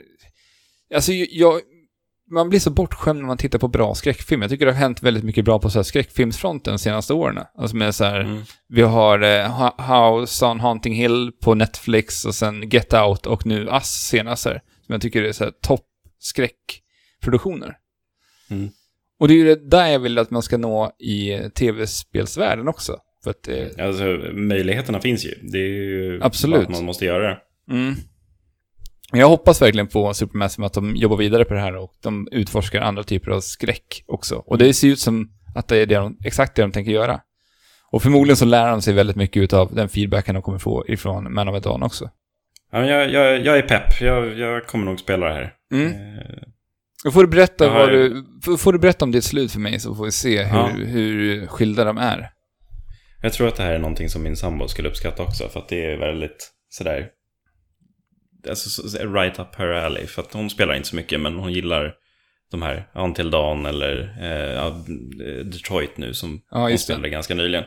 Eh, och det, det, hon tycker om att göra sådana val och sådär. Så att jag tror att det här kan vara en hit. Ja. Och det är, det är lite som samma för mig här hemma faktiskt. Vi lirar alltid Mm. de här spelen tillsammans och det är supertrevligt. Det, är- det är kul också att Supermassive gör ett spel som alla spelade until dawn. Mm. Att liksom passa runt kontrollen. Så det- Ja. de tog, liksom, eh, tog, tog det som alla andra, alltså så som spelarna gjorde och gjorde ett spel av det. Ja, ja, men det är faktiskt, det är, det är inte helt dumt tänkt faktiskt. Nej. Man ja, så Man of Medan, ute nu på eh, typ alla plattformar förutom, är det till PC också? Ja, jag, jag tänkte det. Är, är det. är det alla plattformar nu? Eftersom att det är Bandai Namco och inte Sony som står för det. Eh, Ja, du. Jag vet att det finns till, jag spelar på Xbox. Ja, okej, ja, men då så. Då Så, finns det säkert allt. Ja, det finns ju inte till Switch i alla fall. Nej. Nej. Xbox, PS4, PC. Mm. Bam. Boom, boom, bam. Boom, boom, boom. Ja, oh! boom, vi- boom, boom. Så Boom. låter de i Gears of War. Ja. Från den sämsta segwayen i år till, Till- kanske den bästa. Så ska vi såga oss in på nästa. Ja.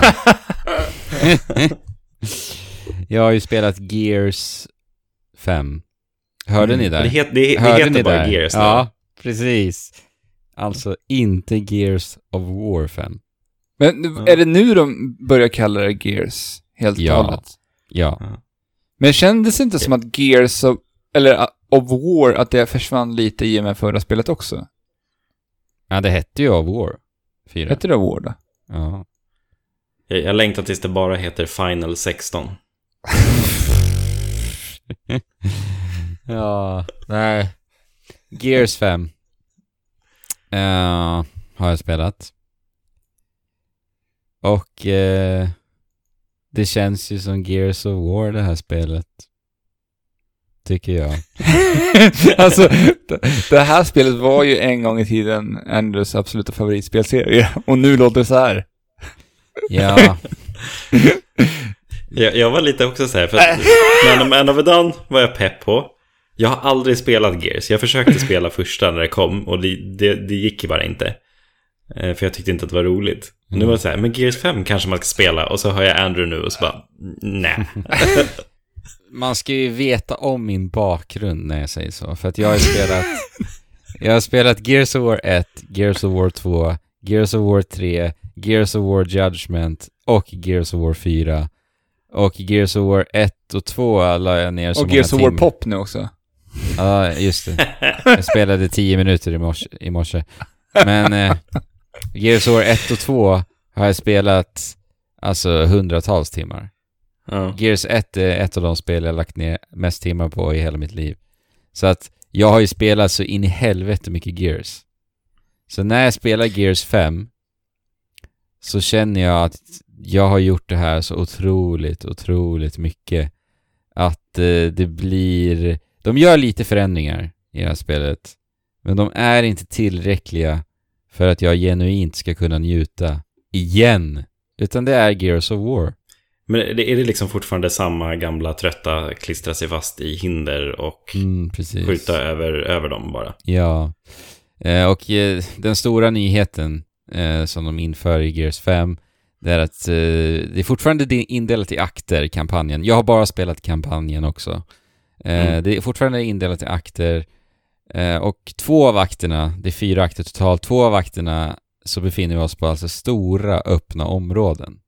Och då är det alltså så att eh, du ränner omkring tillsammans med din eh, vän på en så kallad skiff. och skiff är, tänk er typ en snöskoter som har en snowboard kopplad till sig och personen då som står på snowboarden eh, bakom den här snöskotern sköter ett segel framför den här snöskotern. Och det är den här konstiga mackapären som ni ränner omkring på. Alltså när jag såg designen Det på låter den som här, ett väldigt roligt fordon. Alltså, bara så Jo. som du beskriver det. Det är bara ett så här okej. i- ihopkok av lite allt möjligt känns det som. jag är inte Ja, men jag helt... tänker om det fanns på riktigt så känns som ett... så- Ja, du menar så. Ja, underhållande roligt ja. Mm. Ja. Kanske inte det mest liksom, effektiva för att ta sig omkring i en Nej, värld full av swarms och locusts. Men, men den funkade för dem i alla fall. För att vi, äh, miljöerna vi rör oss i är ju sand, eh, vad heter det? ökenmiljöer och eh, vinterlandskap, så det funkar ju i och för sig ganska bra. Mm. Men, och här kan man ju då ta sig an lite sidouppdrag, lite sidoaktiviteter vid så här lite utstickande platser. Så då parkerar man sin skiff då. Och sen så beger man sig till liksom Gears traditionella områden där det är lite st mer styrt och väldigt linjärt sådär. Eh, så att egentligen, alltså de här öppna områdena skapar egentligen bara transportsträckor för att det finns ju ingen mekanik eller någonting spännande som händer på vägen till de här platserna. Utan det enda du gör är att du... Uh, jag minns inte ens om man trycker in en knapp för att gasa. Jag har nästan för mig att man bara... Uh, nu spelar jag på PC, uh, trycker på knappen för att röra sig framåt. Ja. V i detta fall då, för att gå framåt på PC. Eh, så att det hände inget spännande här, utan det var bara ta dig från punkt A till B. Eh, och, Men alltså, för sådana där transportsträckor kan ju vara mysiga. Alltså jag tittar på typ Wind Waker. Alltså Mm. där är det jättebara stora öppna blåa fält som, ja men jag tyckte ändå att det var mysigt att segla genom dem. mm. Men här är det bara tråkigt då. Ja, men det, det tillför inte så mycket för mig faktiskt. Eh, jag kan förstå att man kan tycka att det blir en ganska härlig andningspaus mellan alla strider. Man får liksom Ja. kontrollera tempot själv lite också. Särskilt när du kan ta, bege dig på lite sidouppdrag. Du får ju bestämma, ska jag göra det här eller inte och sådär. Eh, och sen så blir det lite utrymme för karaktärs, eh, mellan karaktärerna också, för de pratar ju mycket här. Eh, Mm. Men jag spelar ju Gears här. Och då känner jag ju liksom, jag spelar ju Gears för adrenalinpumpande action. Eh, visserligen så gör de ett ganska bra jobb i karaktärsutvecklingen. Bättre än vad de någonsin har gjort faktiskt. Dialogerna är Mm. bättre än vad de någonsin har varit. Ja, för man är väl någon kvinna i det här va? Om jag... Ja, exakt. Eh, Ja. Kate Diaz, och hon är faktiskt riktigt... eh, Ja. Hon är rolig att följa, måste jag ändå säga. Och, det, är, är, det, är det någonting som, nu tar jag bara och tänker på just så här, typ det första man fick se på det här för något E3 för jag vet inte hur länge sedan. mm. Men det är väl är det så här mycket psykisk ohälsa och sånt de tar upp? Nej, det skulle jag inte säga. Det var väl typ så här hallucinationer och grejer i någon trailer? Ja, men precis. Eller Men tänker jag fel då? nej, men det, det är så här att hon, hon, eh, hon beger sig iväg på en väldigt så här personlig eh, resa kan man säga. Eh, och den Ja. får du följa med henne på. Och det är lite så här för att hon ska, eller hon ifrågasätter sitt arv, så kan man säga. Och kräver liksom svar på saker och ting som, de hintade lite om det i, i Gears 4. Eh, jag, jag vill inte säga för mycket, men det är inte psykisk ohälsa. Det är det inte. Okej, ja. Det var, ju, det var ju synd eh, på ett sätt. Att, för det hade varit bra att ta upp. Men de leker med hennes psyke, men ja. Ja. Eh, nej, men jag gillar Kate. Kate väldigt mycket. Det låter lite sjukt alltså. För, alltså, jag har ju alltid varit nyfiken på Gears utefter, liksom, för folk har snackat om att just att det är ändå väldigt bra karaktärer i de här spelen. Mm. Trots liksom det här köttiga, testosteronstinnade muskelknuttemännen så ska det ändå finnas väldigt bra skrivna karaktärer under det här. Mm. Som liksom är genuint bra tillsammans på det sättet. Eh, men jag- som sagt, jag klarade inte av ens halva ettan. Mm. Så jag har liksom bara lagt ner det här. Mm. Eh, men alltså, där bygger det här mycket på 1 till 4. Ja, I oh ja, femman. oh ja. Det är Ah, okej, det är ju raka uppföljaren liksom. Okej, ja. Men, vi- men finns det något sätt i spelet att liksom så här catcha upp på historien, vad som har hänt i Gears? För att jag Ja. tänker så här, nu har det ändå kommit en drös med spel. Så det kan ju vara svårt för, även för dig själv säkert, att komma ihåg allt som har hänt mm. i alla Ja. Gears-spelen. Verkligen. De eh, snabbspolar igenom Gears 4 när man startar Gears 5. Men du får ingen eh, eh, uppfriskande återblick på 1 till 3. Men saken är ju också att i, i, i och med Gears 4 så var det ju, det var ju då The Coalition som utvecklar spelen nu tog över Gears. Alltså Microsofts eh, studio som, som gör Mm, de här spelen nu. Mm. Så att man märker ju att de vill ju sätta sin egen prägel på det här nu. Och det är lite mer den här trilogin som är fokuset, som de startade med Gears 4 då. Så att det kommer ju Okej. komma en uppföljare också såklart. Eh, men det är klart att eh, tidigare historien också har ett mervärde om man är med på vad som har hänt tidigare, innan fyran alltså. Jag vet inte, det är Ja, det är inte därför du spelar. Nej, det är verkligen inte det. Alltså, egentligen själva inramningen i Gears-universumet är ju ingenting för mig. Det här är liksom ura militäriska. Men det som gör att jag ändå kan njuta av Gears är ju att det är väldigt eh, häftiga fiender. Alltså det är ändå så här utomjordiskt och lite sci-fi element och ganska väldigt eh, snygg så här arkitektonisk design har Gears-spelen alltid haft också tycker jag. Men, men det jag inte tål riktigt är ju liksom jargongen. Det har jag väldigt svårt för. Men just Mm. liksom världen och världsbyggandet och fiender, det är någonting ändå alltid jag tyckt om. Men är det fortfarande Locust som gäller, eller har det kommit något nytt hot här? Ja, det är Swarm som de introducerade i fyran. Alltså Ja, jag- just det. Just det. Men det är ju typ en variant på Locust. så att det är fortfarande Locust i grunden liksom. Men eh, ja, sen när du tar dig an sidouppdrag då, så kan du eh, få lite belöningar. Och det kan vara i form av komponenter exempelvis, som är ett nytt eh, litet föremål som ligger lite varstans på alla banor. Och med de här komponenterna så kan du låsa upp förmågor med en robotkompanjon som är ett nytt tillskott som heter Jack. Och den här roboten eh, hänger med er var ni än går. Och med Jack så kan ni då, eller kan du eh, aktivera förmågor som till exempel kan göra att du får, du blir osynlig för eh, en tid. Eller att du får en sån här superrustning som kallas STIM så att du tål massa stryk. Och lite sådär. Väldigt generiska förmågor måste jag säga. Alltså det fanns ingen riktig kreativitet här. Det är väldigt sådana förmågor som, som nästan finns i alla spel ni vet. Det är Finns det en drönare? Alltså Jack är ju typ en drönare. Det är en flygande robot. okej.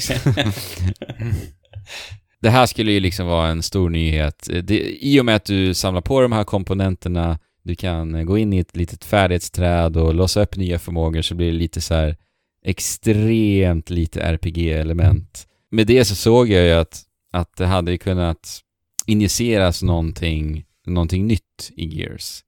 Men problemet är ju att jag känner ju aldrig att spelet tvingar mig att använda någonting av det här. Så att det finns liksom ingen design eller mekaniker kring de här som, som lär mig att, att jag ska använda dem eller hur jag ska använda de här. Vilket jag tycker är väldigt synd. Så att för mig när jag spelar Gears 5 så faller jag alltid tillbaka på att spela Gears. Och sen så glömmer jag bort att jag ens har den där roboten. Mm. Alltså, det, det låter ju på ett sätt också uppfriskande att man får utforska själv. Men Mm. är man som du en gammal veteran av serien så, som du säger, man faller väl lätt in och bara covershoota då. Ja men precis, men jag tänker ju typ på så här. eh, Jag gästade ju Öppna Världar här i veckan faktiskt. Ja, eh, podcasten. Vi ska länka det i beskrivningen till det här avsnittet. Då pratade jag tillsammans med Aron Gears 5 i typ så här 50 minuter eller någonting. Så att vill man höra mig prata mer om det här spelet kan det bli lite repetition här nu. Men ja, ni kan också få höra lite mer Gears-snack. ja. men, men då pratar vi lite om just angående det här att eh, jag tänker ju lite på liksom hack and slash-spel, senast Astral Chain som jag spelat här. ja. Där är ju fiendedesignen utformad utefter att få dig att använda dina verktyg. Eh, till exempel så kan det vara en så klassisk som Aron drog i öppna världar-avsnittet också är ju att ja, en fiende har en sköld. Ja, men då behöver du använda en förmåga för att ta ner skölden för att sen komma åt och verkligen drämma till fienden. ja. Alltså att man använder Jacks förmågor på det sättet i Gears. ja det, det, är- det är bara liksom... Det gör spelet lättare typ. Alltså, Ja. det är liksom... Okej, Det- ja. Och det finns ingen design kring hur att använda den och varför du ska använda den. Liksom. Vilket är lite synd. Det är ju väldigt synd. Ja. Så att det känns verkligen som Gears of War det här spelet. Jag tycker nyheterna räcker liksom inte hela vägen för att jag ska bli imponerad. Eller njuta som jag sa igen. Liksom. Ja, jag, jag vill ju att de ska iterera kring det som är synonymt med Gears och det är ju mekaniken kring att vi tar skydd liksom. Men nå- någon, jag tänker någonting som Gears alltid brukar vara bra på, det är att introducera nya häftiga vapen som liksom känns Ja, väldigt... De kan ofta kännas väldigt så här, groundbreaking för spels, hur, hur man spelar Gears. Jag tänker så här, det, det var någon, i något Gears, jag kommer inte ihåg vilket nu, där de liksom introducerade som en ny Assault Rifle som spelas väldigt annorlunda. Minns Mm. du vilket spel det var? Eh, För de har ju alltid massa nya vapen och sen har de den här active reload-grejen som har varit liksom så här the core av eh, Gears hela tiden. Mm. Hur, hur man laddar de här vapnen för att de ska göra, skotten ska göra mer skada liksom. Men, men finns det något, inget sånt nytt liksom? Ett vapen som känns så, här, så pass nytt och fräscht att du liksom får tillbaka den här känslan du, du fick när du spelade liksom Gears of War Nej. 1 och 2 och älskade det? Nej, det gör det inte. Ehm, det är till och med på den nivån att jag knappt vet vilka vapen som är nya. Alltså jag kommer knappt ihåg vilka som introducerades i fyran. Det, det, det jag vet introducerades i fyran, det är dropshot. För dropshot var ett sånt vapen som du pratade om som var Ja, sjukt, sjukt häftigt eh, visuellt. Och eh, det är ett vapen som, som är väl inkorporerad med mekaniken att ta skydd. För Mm. att den gör ju att du kan droppa ner liksom en bomb från skyn på fiender bakom, som sitter bakom skydd. Så den är liksom vävd in i det. Och det är det jag tycker, alltså att Gears behöver verkligen göra ett lyft i sin grundmekanik. Vad som är Gears, så det är att ta skydd. Eh, Och Mm. man kan göra så jävla mycket här tycker jag. Alltså jag och Aron diskuterade lite om det också. Jag fick ju en idé så här, väldigt enkel sak. Att eh, exempelvis när du, när ni tar skydd, ni vet när man som en magnet liksom glider in mot skyddet. När du eh, kolliderar med skyddet så skapar du som en pulsvåg. Så att du drämmer till en fiende som kan sitta bakom skyddet på andra sidan. Så att den här Så du liksom tacklar den liksom? Exakt, så att man tacklar den så att den blir lite paralyserad och så kan du poppa upp och skjuta ett headshot. Eh, alltså sådana små saker, så här, lek med vad du kan göra med att ta skyddet. Eh, och jag tror att det skulle skapa, bara den mekaniken jag drog nu skulle kunna skapa ett lite bättre momentum också i spelet. Så här. Att ständigt vara i rörelse så det blir lite mer, ja lite mer tempo. Ja, för det, det känns ju mycket som att Gears har fastnat på hela cover-based mekaniken, att man skulle kunna göra mera med den grejen.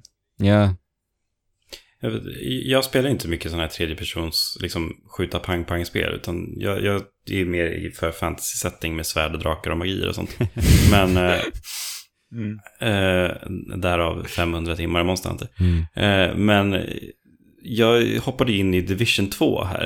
Eh, När det släpptes. För jag var nyfiken på det. Man kunde liksom bygga en egen bild och då är jag där. Mm. Det är liksom min typ av spel. Men eh, det var den här skjuta grejen som jag var lite osäker på. Mm. Men jag varit ändå väldigt chockad över hur de hade gjort liksom just med det här cover-systemet. För att där är det ju väldigt mycket öppna ytor Mm. istället. Eh, och där jobbar ju verkligen fienderna för att flankera den och Ja. gå runt den. Och Precis. liksom så, så man måste hela tiden vara i rörelse. Det är fortfarande cover, absolut.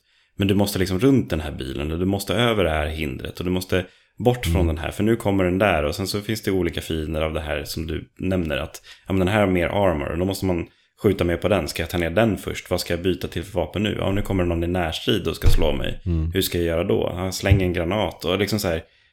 Jag tyckte att det var helt fantastiskt. Det var skitkul att spela det spelet. Nu har jag spelat alldeles för lite av det. Jag skulle jättegärna vilja spela mer. Mm. Men eh, Monster Hunter.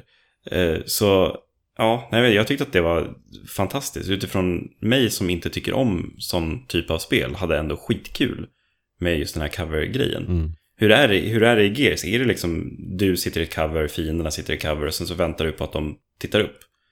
Eller är det flankeringar och sådana grejer? Ja, det är ju flankeringar, men eh, där måste jag säga också att eh, spelet står faktiskt och trampar lite när det kommer till AIn. Alltså AIn Mm. är snudd på ganska värdelös alltså.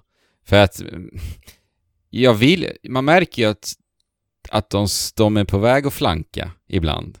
Men sen så, det är så här, det är AI som liksom, du ser att de börjar göra någonting, du ser att de tänker att de är på väg att liksom utföra någon form av plan, hur de ska flanka. Men sen liksom så här, nästan ser du hur de bara glitchar till lite, sen är de på väg någon annanstans och så här. Alltså, AI är väldigt så här oförutsägbar i hur den rör sig faktiskt. Och det reagerade jag mycket på i femman.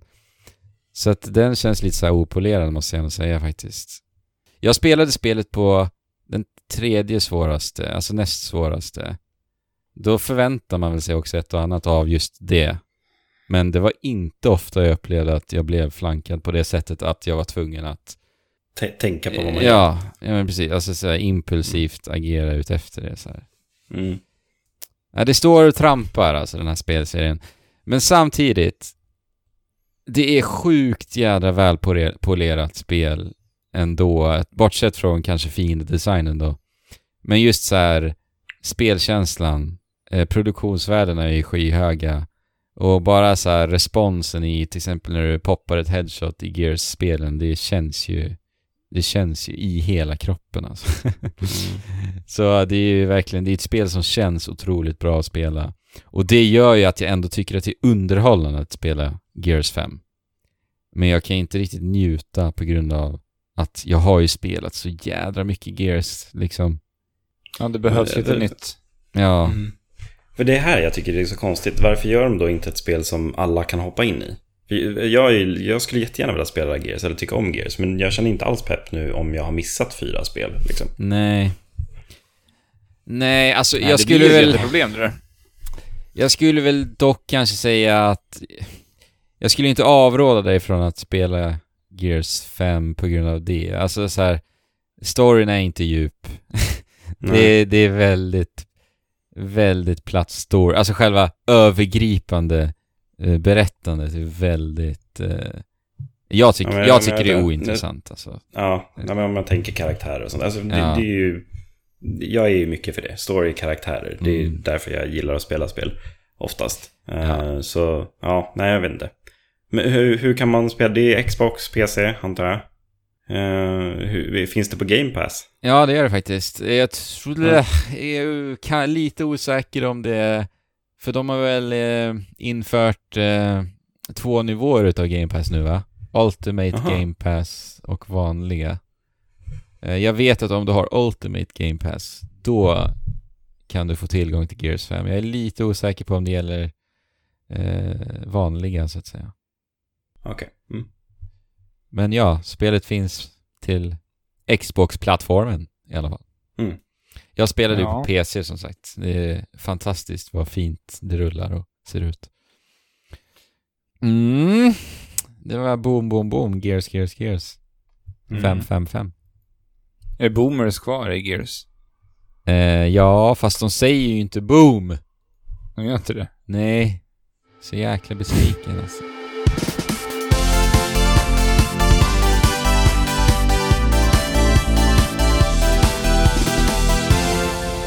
Vi har skrivit upp Nintendo Direct här. Vi har ju pratat ganska länge nu. Vi behöver inte gå in jättemycket på det här tycker jag. För att eh, det var en ganska... Jag tänkte säga innehållsfattig Nintendo Direct, men det var det ju faktiskt inte. Det, det, var, det var, nej, det var ju väldigt, väldigt mycket som visades. Men det var ju väldigt lite man var pepp på, kände jag i alla fall. Ja, men det var få liksom stora utannonseringar. Ja. Sen krävs det väl inte jag i och för sig att det alltid behöver vara det, men Eh, med, Nej, med, men det... med tanke på att 2020 ser ganska tomt ut för switchen så förväntade man sig väl ändå i alla fall någonting mer. Men, uh, Andrew, det sa man om 2019 också. Ja, det är sant. 2018. Ja, det är sant. Och hur mycket har switchen rullat i år? Mm. Jo, det är sant. Ja, det, det gillar man ju med Nintendo. Jag menar, jag visste ja. inte ens om Astral Chain i, i, januari i år. Och sen så var det mm. ett av de bästa spelen jag spelat i år. Så det är Mm. Härligt alltså. Men eh, ja, SNES-spel kommer ju till Nintendo Switch online. Nintendo Switch ja. online, Super Nintendo... Nej, vänta nu. Ja, det, ja, det, det heter ju något helt sinnessjukt. Ja. Nintendo Switch Online, Super Nintendo Entertainment System, typ. Ja, jag vet inte. SNES, SNES på Switch. Ja, så. så. Boom! Ja. Mm.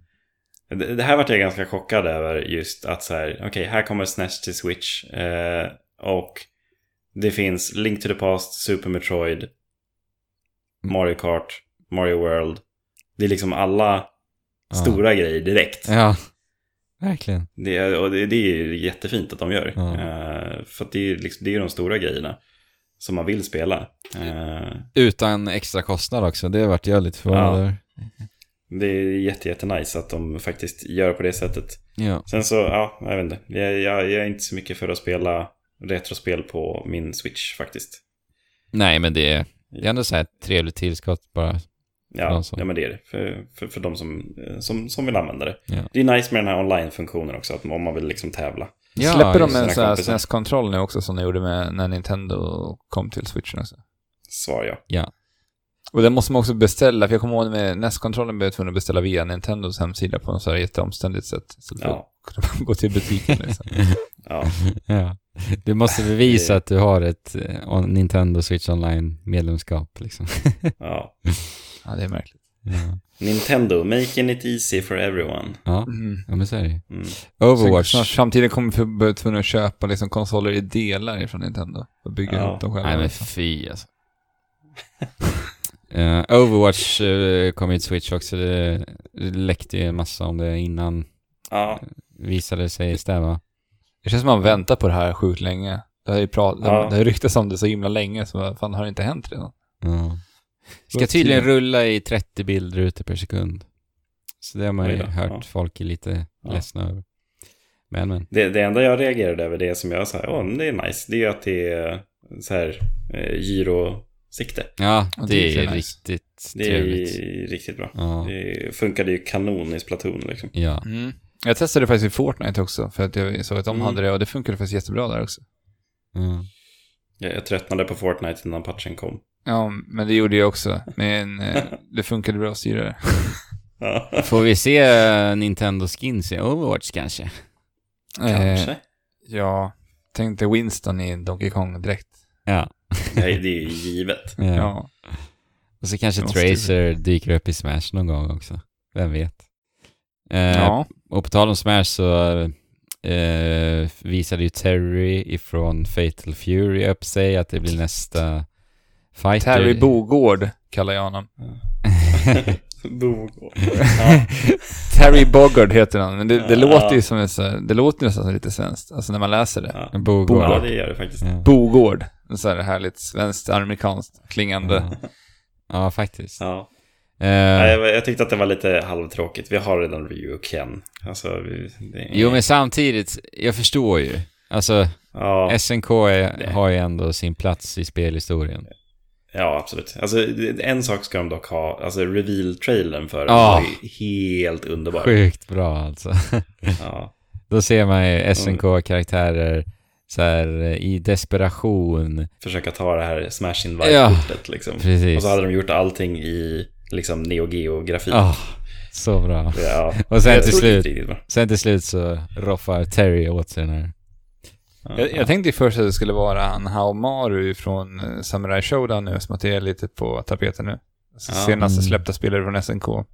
Just det. Men eh, det är som jag Andrew pratade om, det, det kommer ju nytt King of Fighters nästa år. Ja. Mm. Och eh, san, stor sannolikhet att det så släpps till Switch nu också eftersom Terry Bogård nu gör entré på Switch.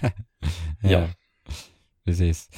Eh, och Banjo släpptes ju boom direkt efter. Jag har spelat Banjo lite. Jag, vi har pratat så länge där, jag behöver inte prata så mycket om mina intryck om Banjo. Jag får vänta med det lite till nästa vecka, så hinner jag säkert Mm. spela honom mer också. Mm. Deadly Premonition 2 måste du Pajlen vara skittaggad på. Jag har faktiskt inte spelat ettan. Men du vill ju det, eller hur? Ja, lite grann. Bara för att det verkar vara helt freaky. Ja, och eh, en väldigt märklig story. Ja. Det sägs väl vara det, det Det minst... bästa sämsta spelet. Ja, exakt. Det bästa sämsta spelet.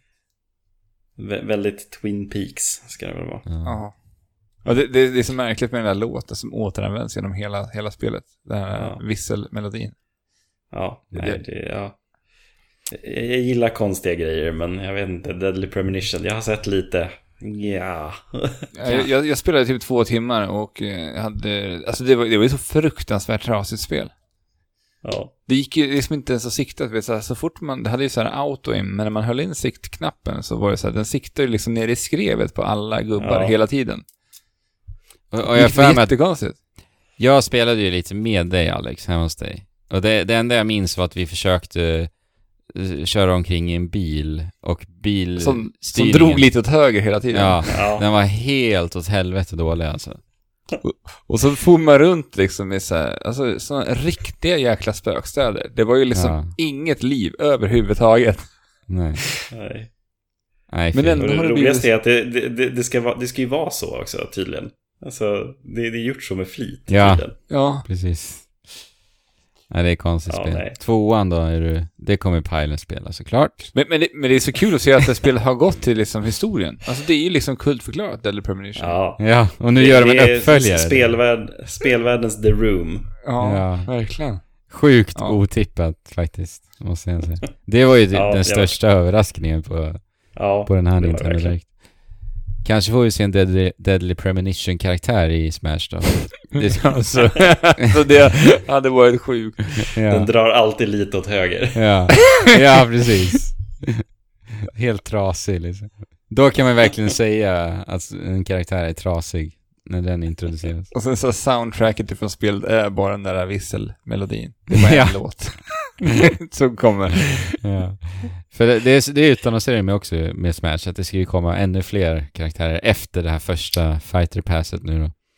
Så att, Hoppet om Monster Hunter-karaktären Ja. lever vidare. snälla en Palico, herregud vad jag vill ha det mycket alltså. Ja, Speciellt nu med efter Iceborne, Palicos är ju så fantastiska i det alltså. ja. Eh, Xenoblade Chronicles eh, Definitive Edition var den sista stora bomben. Eh, någon, Mm. någon form av Fan, de har släppt det här tre gånger nu va? Ja, det blir Japp. väl det. Ja. Det var det. Men det är, det är ett spel som har gått förbi många eh, på grund av att det har varit strul med release och Ja, men de har ju släppt och, det här jättekonstigt alla gångerna nu fram Ja. tills den här gången. För första gången släpptes den, släpptes den väl i slutet på Wiis livstid. Japp. Och sen så släpptes den till det märkliga formatet för eh, den här... New 3DS. ja, just det, så var det. Och det var ju exklusivt nu 3D-spel, vi sa det? Ja, så det gick inte det, att spela på enda, någon det enda spelet som var exklusivt till New 3DS. Shit, nu tror när du säger det, jag har inte tänkt på det. Att det har varit ganska Nej. bökigt att komma åt det här spelet. Ja. Det, det, det, har, det är ju därför de gör det här tror jag. Ja. Eh, För att de som har spelat spelet älskar det ju. Ja. Och jag, jag är en av dem som har spelat det och jag, det, det är ett jätte, jättebra JRPG. Mm. Det är verkligen det. Mm. Det är fantastisk musik, det är grymt bra skrivna karaktärer, storyn är intressant från början till slut. Mm. Stridsmekaniken är jätteintuitiv och liksom jättebra. Det är liksom ett bra JRPG på alla punkter. Mm. Men det är så många som har missat det. Och Ja. det är liksom jättebra att de släpps där. Jag vart ju lite så här, jaha okej, ja, nu kommer Xenoblade Chronicles igen. Eh, Det är kul för de som inte har spelat det. Mm. Och sen så bara, men jag kommer nog inte spela igen, för att det är, det är långt. Det är liksom 80-90 timmar. Mm. Och sen så bara, ja men 2020, jag bara, ja men kanske då. ja. Men kommer de göra Jag någonting tänder nytt i det här spelet som de kallar för definitive... definitive Alltså grafi, grafiken är ganska uppad. Det är det ju. eh, sen vet Men det jag verkar ju som någon- att... Jo men det, jag har ju sett att folk har luskat i den här trailern. Och det verkar som att de befinner sig på en plats som inte gick att utforska eh, vid ett tillfälle i den här trailern. Okej, ja. Som inte Det här räcker ju för att sälja in pilen på att spela en gång till nästa år. Ja. För det är väl typ två stora titaner som står eh, eh, som Ja. staty. Och det var typ så här att eh, ja, du kan utforska den här titanen som det inte gick tidigare. Ja, jag vet inte. Ja. Men över hela spelet går, alltså man, man befinner sig hela tiden på de här titanerna och så går man liksom på, jag kommer inte ihåg vad de heter nu, men man kommer till hans vad liksom. Eh, och så är det en miljö ute efter det och när man är uppe på axlarna så blir det snöigare och liksom kallare och så, ja Mm. nej men världen är fantastisk. Ja, och Eh, musiken. det. Min relation Ja, till musiken. musiken kommer ju från Smash och den låten är ju Ja. fantastisk. Ja, det, är- det är mycket, mycket bra låtar. Ja, de där äh, Monolith heter de väl? Ja, precis. De, är, de kan ju det där med att bygga äh, underbara 3D-världar. Jag minns ju bara ja. Liksom det som Sinoblade Chronicles X och arbetet de mm. gjorde med Breath of the Wild också. De var ju involverade där med. Mm. Jo. Alltså de kan det här med skala bättre än någon annan alltså. Ja, verkligen. Det är... Men det, ja, vi får se. Det är, det är ett riktigt, riktigt bra JRPG. Mm. Eh, så. Ja, Det var, var ett annat JRPG som ska komma igen va? Ja just det. det, det, den här titeln alltså, vad är det? Tokyo Mirage Sessions, Sessions. Sharp FI Encore Ja, just det. nu då. Det här, Ja. gillade, det här vet jag att du spelade, Andra. Ja, jag spelade Och det. du gillade det här? Ja, jag gillade det, men jag klarade inte av det. För att eh, jag spelade det faktiskt vid ett extremt dåligt tillfälle. Det var under en sommar. Volleybollsommar. Ja, exakt. Ja, Eh, och sen när sommaren var över så kom det andra spel och så ja, rann det bara ur sanden. Jag gillade det, men jag, Ja, men- jag minns att det var väldigt repetitivt, men jag minns att jag tyckte om det i alla fall. Jo, det är en blandning mellan Fire Emblem och Shin Megami Tensei-serien det här. Ja. Eh, Jag spelade det också när det begav sig till Wii U och eh, jag gillade det också. Jag tyckte att det var, Jag minns att striderna var- var sjukt bra. Ja det var de. Det är väldigt, väldigt häftigt och just hur de faktiskt har blandat ihop de här två serierna och får det att kännas lika mycket av båda. Ja. Eh, var väldigt faktiskt häftigt att se. Och det är ju Ja. Atlus som utvecklar det här Ja. va? Ja. Och då är det så här, Atlus är ju i lika med extremt jävla stilistiskt och skitsnyggt användargränssnitt. Mm, Och det har det här spelet också. Verkligen, verkligen. ja. Men ja, det är extremt japanskt. ja, det är det faktiskt. Det minns jag också. Det är, det är liksom J-pop Ja. hela vägen och ja. Hela grejen är att man ska bli en J-pop-idol. Det är grejen med spelet typ. Mm. Och sen så är det massa demoner och monster på det. Ja, men de, när du säger det, jag, jag hade ju inte spelat något Persona-spel när jag spelade eh, Tokyo Mirage. Mm. Men nu, jag har ju spelat Persona 5 nu och de har, när jag tänker på det, de har faktiskt väldigt bra blandat ihop Fire Mm. Emblem och Persona. Ja. Ja. Och vi har det där vapenhjulet från Fire Emblem Ja. och det är monster från liksom Shin Megami Tensei och Precis. ja. Och skills och magier från båda spelen. Och så, ja, Mm. nej, men jag, jag gillade det ändå. Det, det var häftigt. Kan du börja året 2020 med då? Ja, då spelar jag nog hellre Xenoblade. Okej. ja. ja, nej. Med de orden Mm. så vet vi att Pylon ska spela Xenoblade nästa år och fram till dess Men fram till dess så ska han ju såklart spela Monster Hunter Rise. Monster Hunter Ja, Iceborne. gud ja. Och fram Det, till det, nästa... fin, det finns ingenting annat att, spela just nu. Nej. Även om jag är sugen på typ tre andra spel så vet jag att jag inte kommer spela dem. Du måste spela Astral Chain alltså. Jag vill, men jag vill jättegärna spela Astral Chain. Men Ja. Sen kommer det ligga där på switchen och så kommer jag tänka, jaga det här monstret istället. Eh, Men vet ni vad vi ska göra till nästa år? Vi ska spela på och det ska ni där borta på andra sidan hörluren Tills nästa år. eller högtalaren göra också. Så tills nästa år. Alltså jag är, Världens längsta uppehåll. jag är helt sinnessjukt trött. Paus, nu. paus från september till januari liksom. Jag försöker, alltså jag försöker bara på något sätt avsluta podden nu. Jag är så jäkla trött alltså. Ja. Uh, Okej. Ja, vi ska, ju- jag, jag ska inte gå på paus så länge i alla fall. Det, Nej. det kommer ett fel Anders. Öh! Nu kommer jag ju på en sak som Vadå? är ganska viktig. Eh, vi ska ju... Eh, Fabian bor ju i Brasilien nu. Eh, det vet Ja. de flesta av lyssnarna. Eh, Mm. Fabian i Trekraften podcast. Eh, och... Eh, Utifall att folk har glömt Fabian. Som, ja. han har inte varit med på några avsnitt nu. Eh, och för att han ska kunna vara med så måste vi igen ändra våran intervall när vi släpper avsnitten. det, här, är- det är typ fjärde gången vi gör det det här året, känns det som. Eh, så att vi kommer släppa ett avsnitt nästa vecka igen. Eh, och, Det, det här är jag som slänger min kalender. ja. Hur många kalendrar är du uppe i nu, Pajlen, senaste året här? Jag vet inte. Fem, sex, Ja. sju kanske? Jäklar, Ja. förlåt alltså, förlåt. Ja. Eh, får swisha lite pengar till dig så. så. ja. Mm.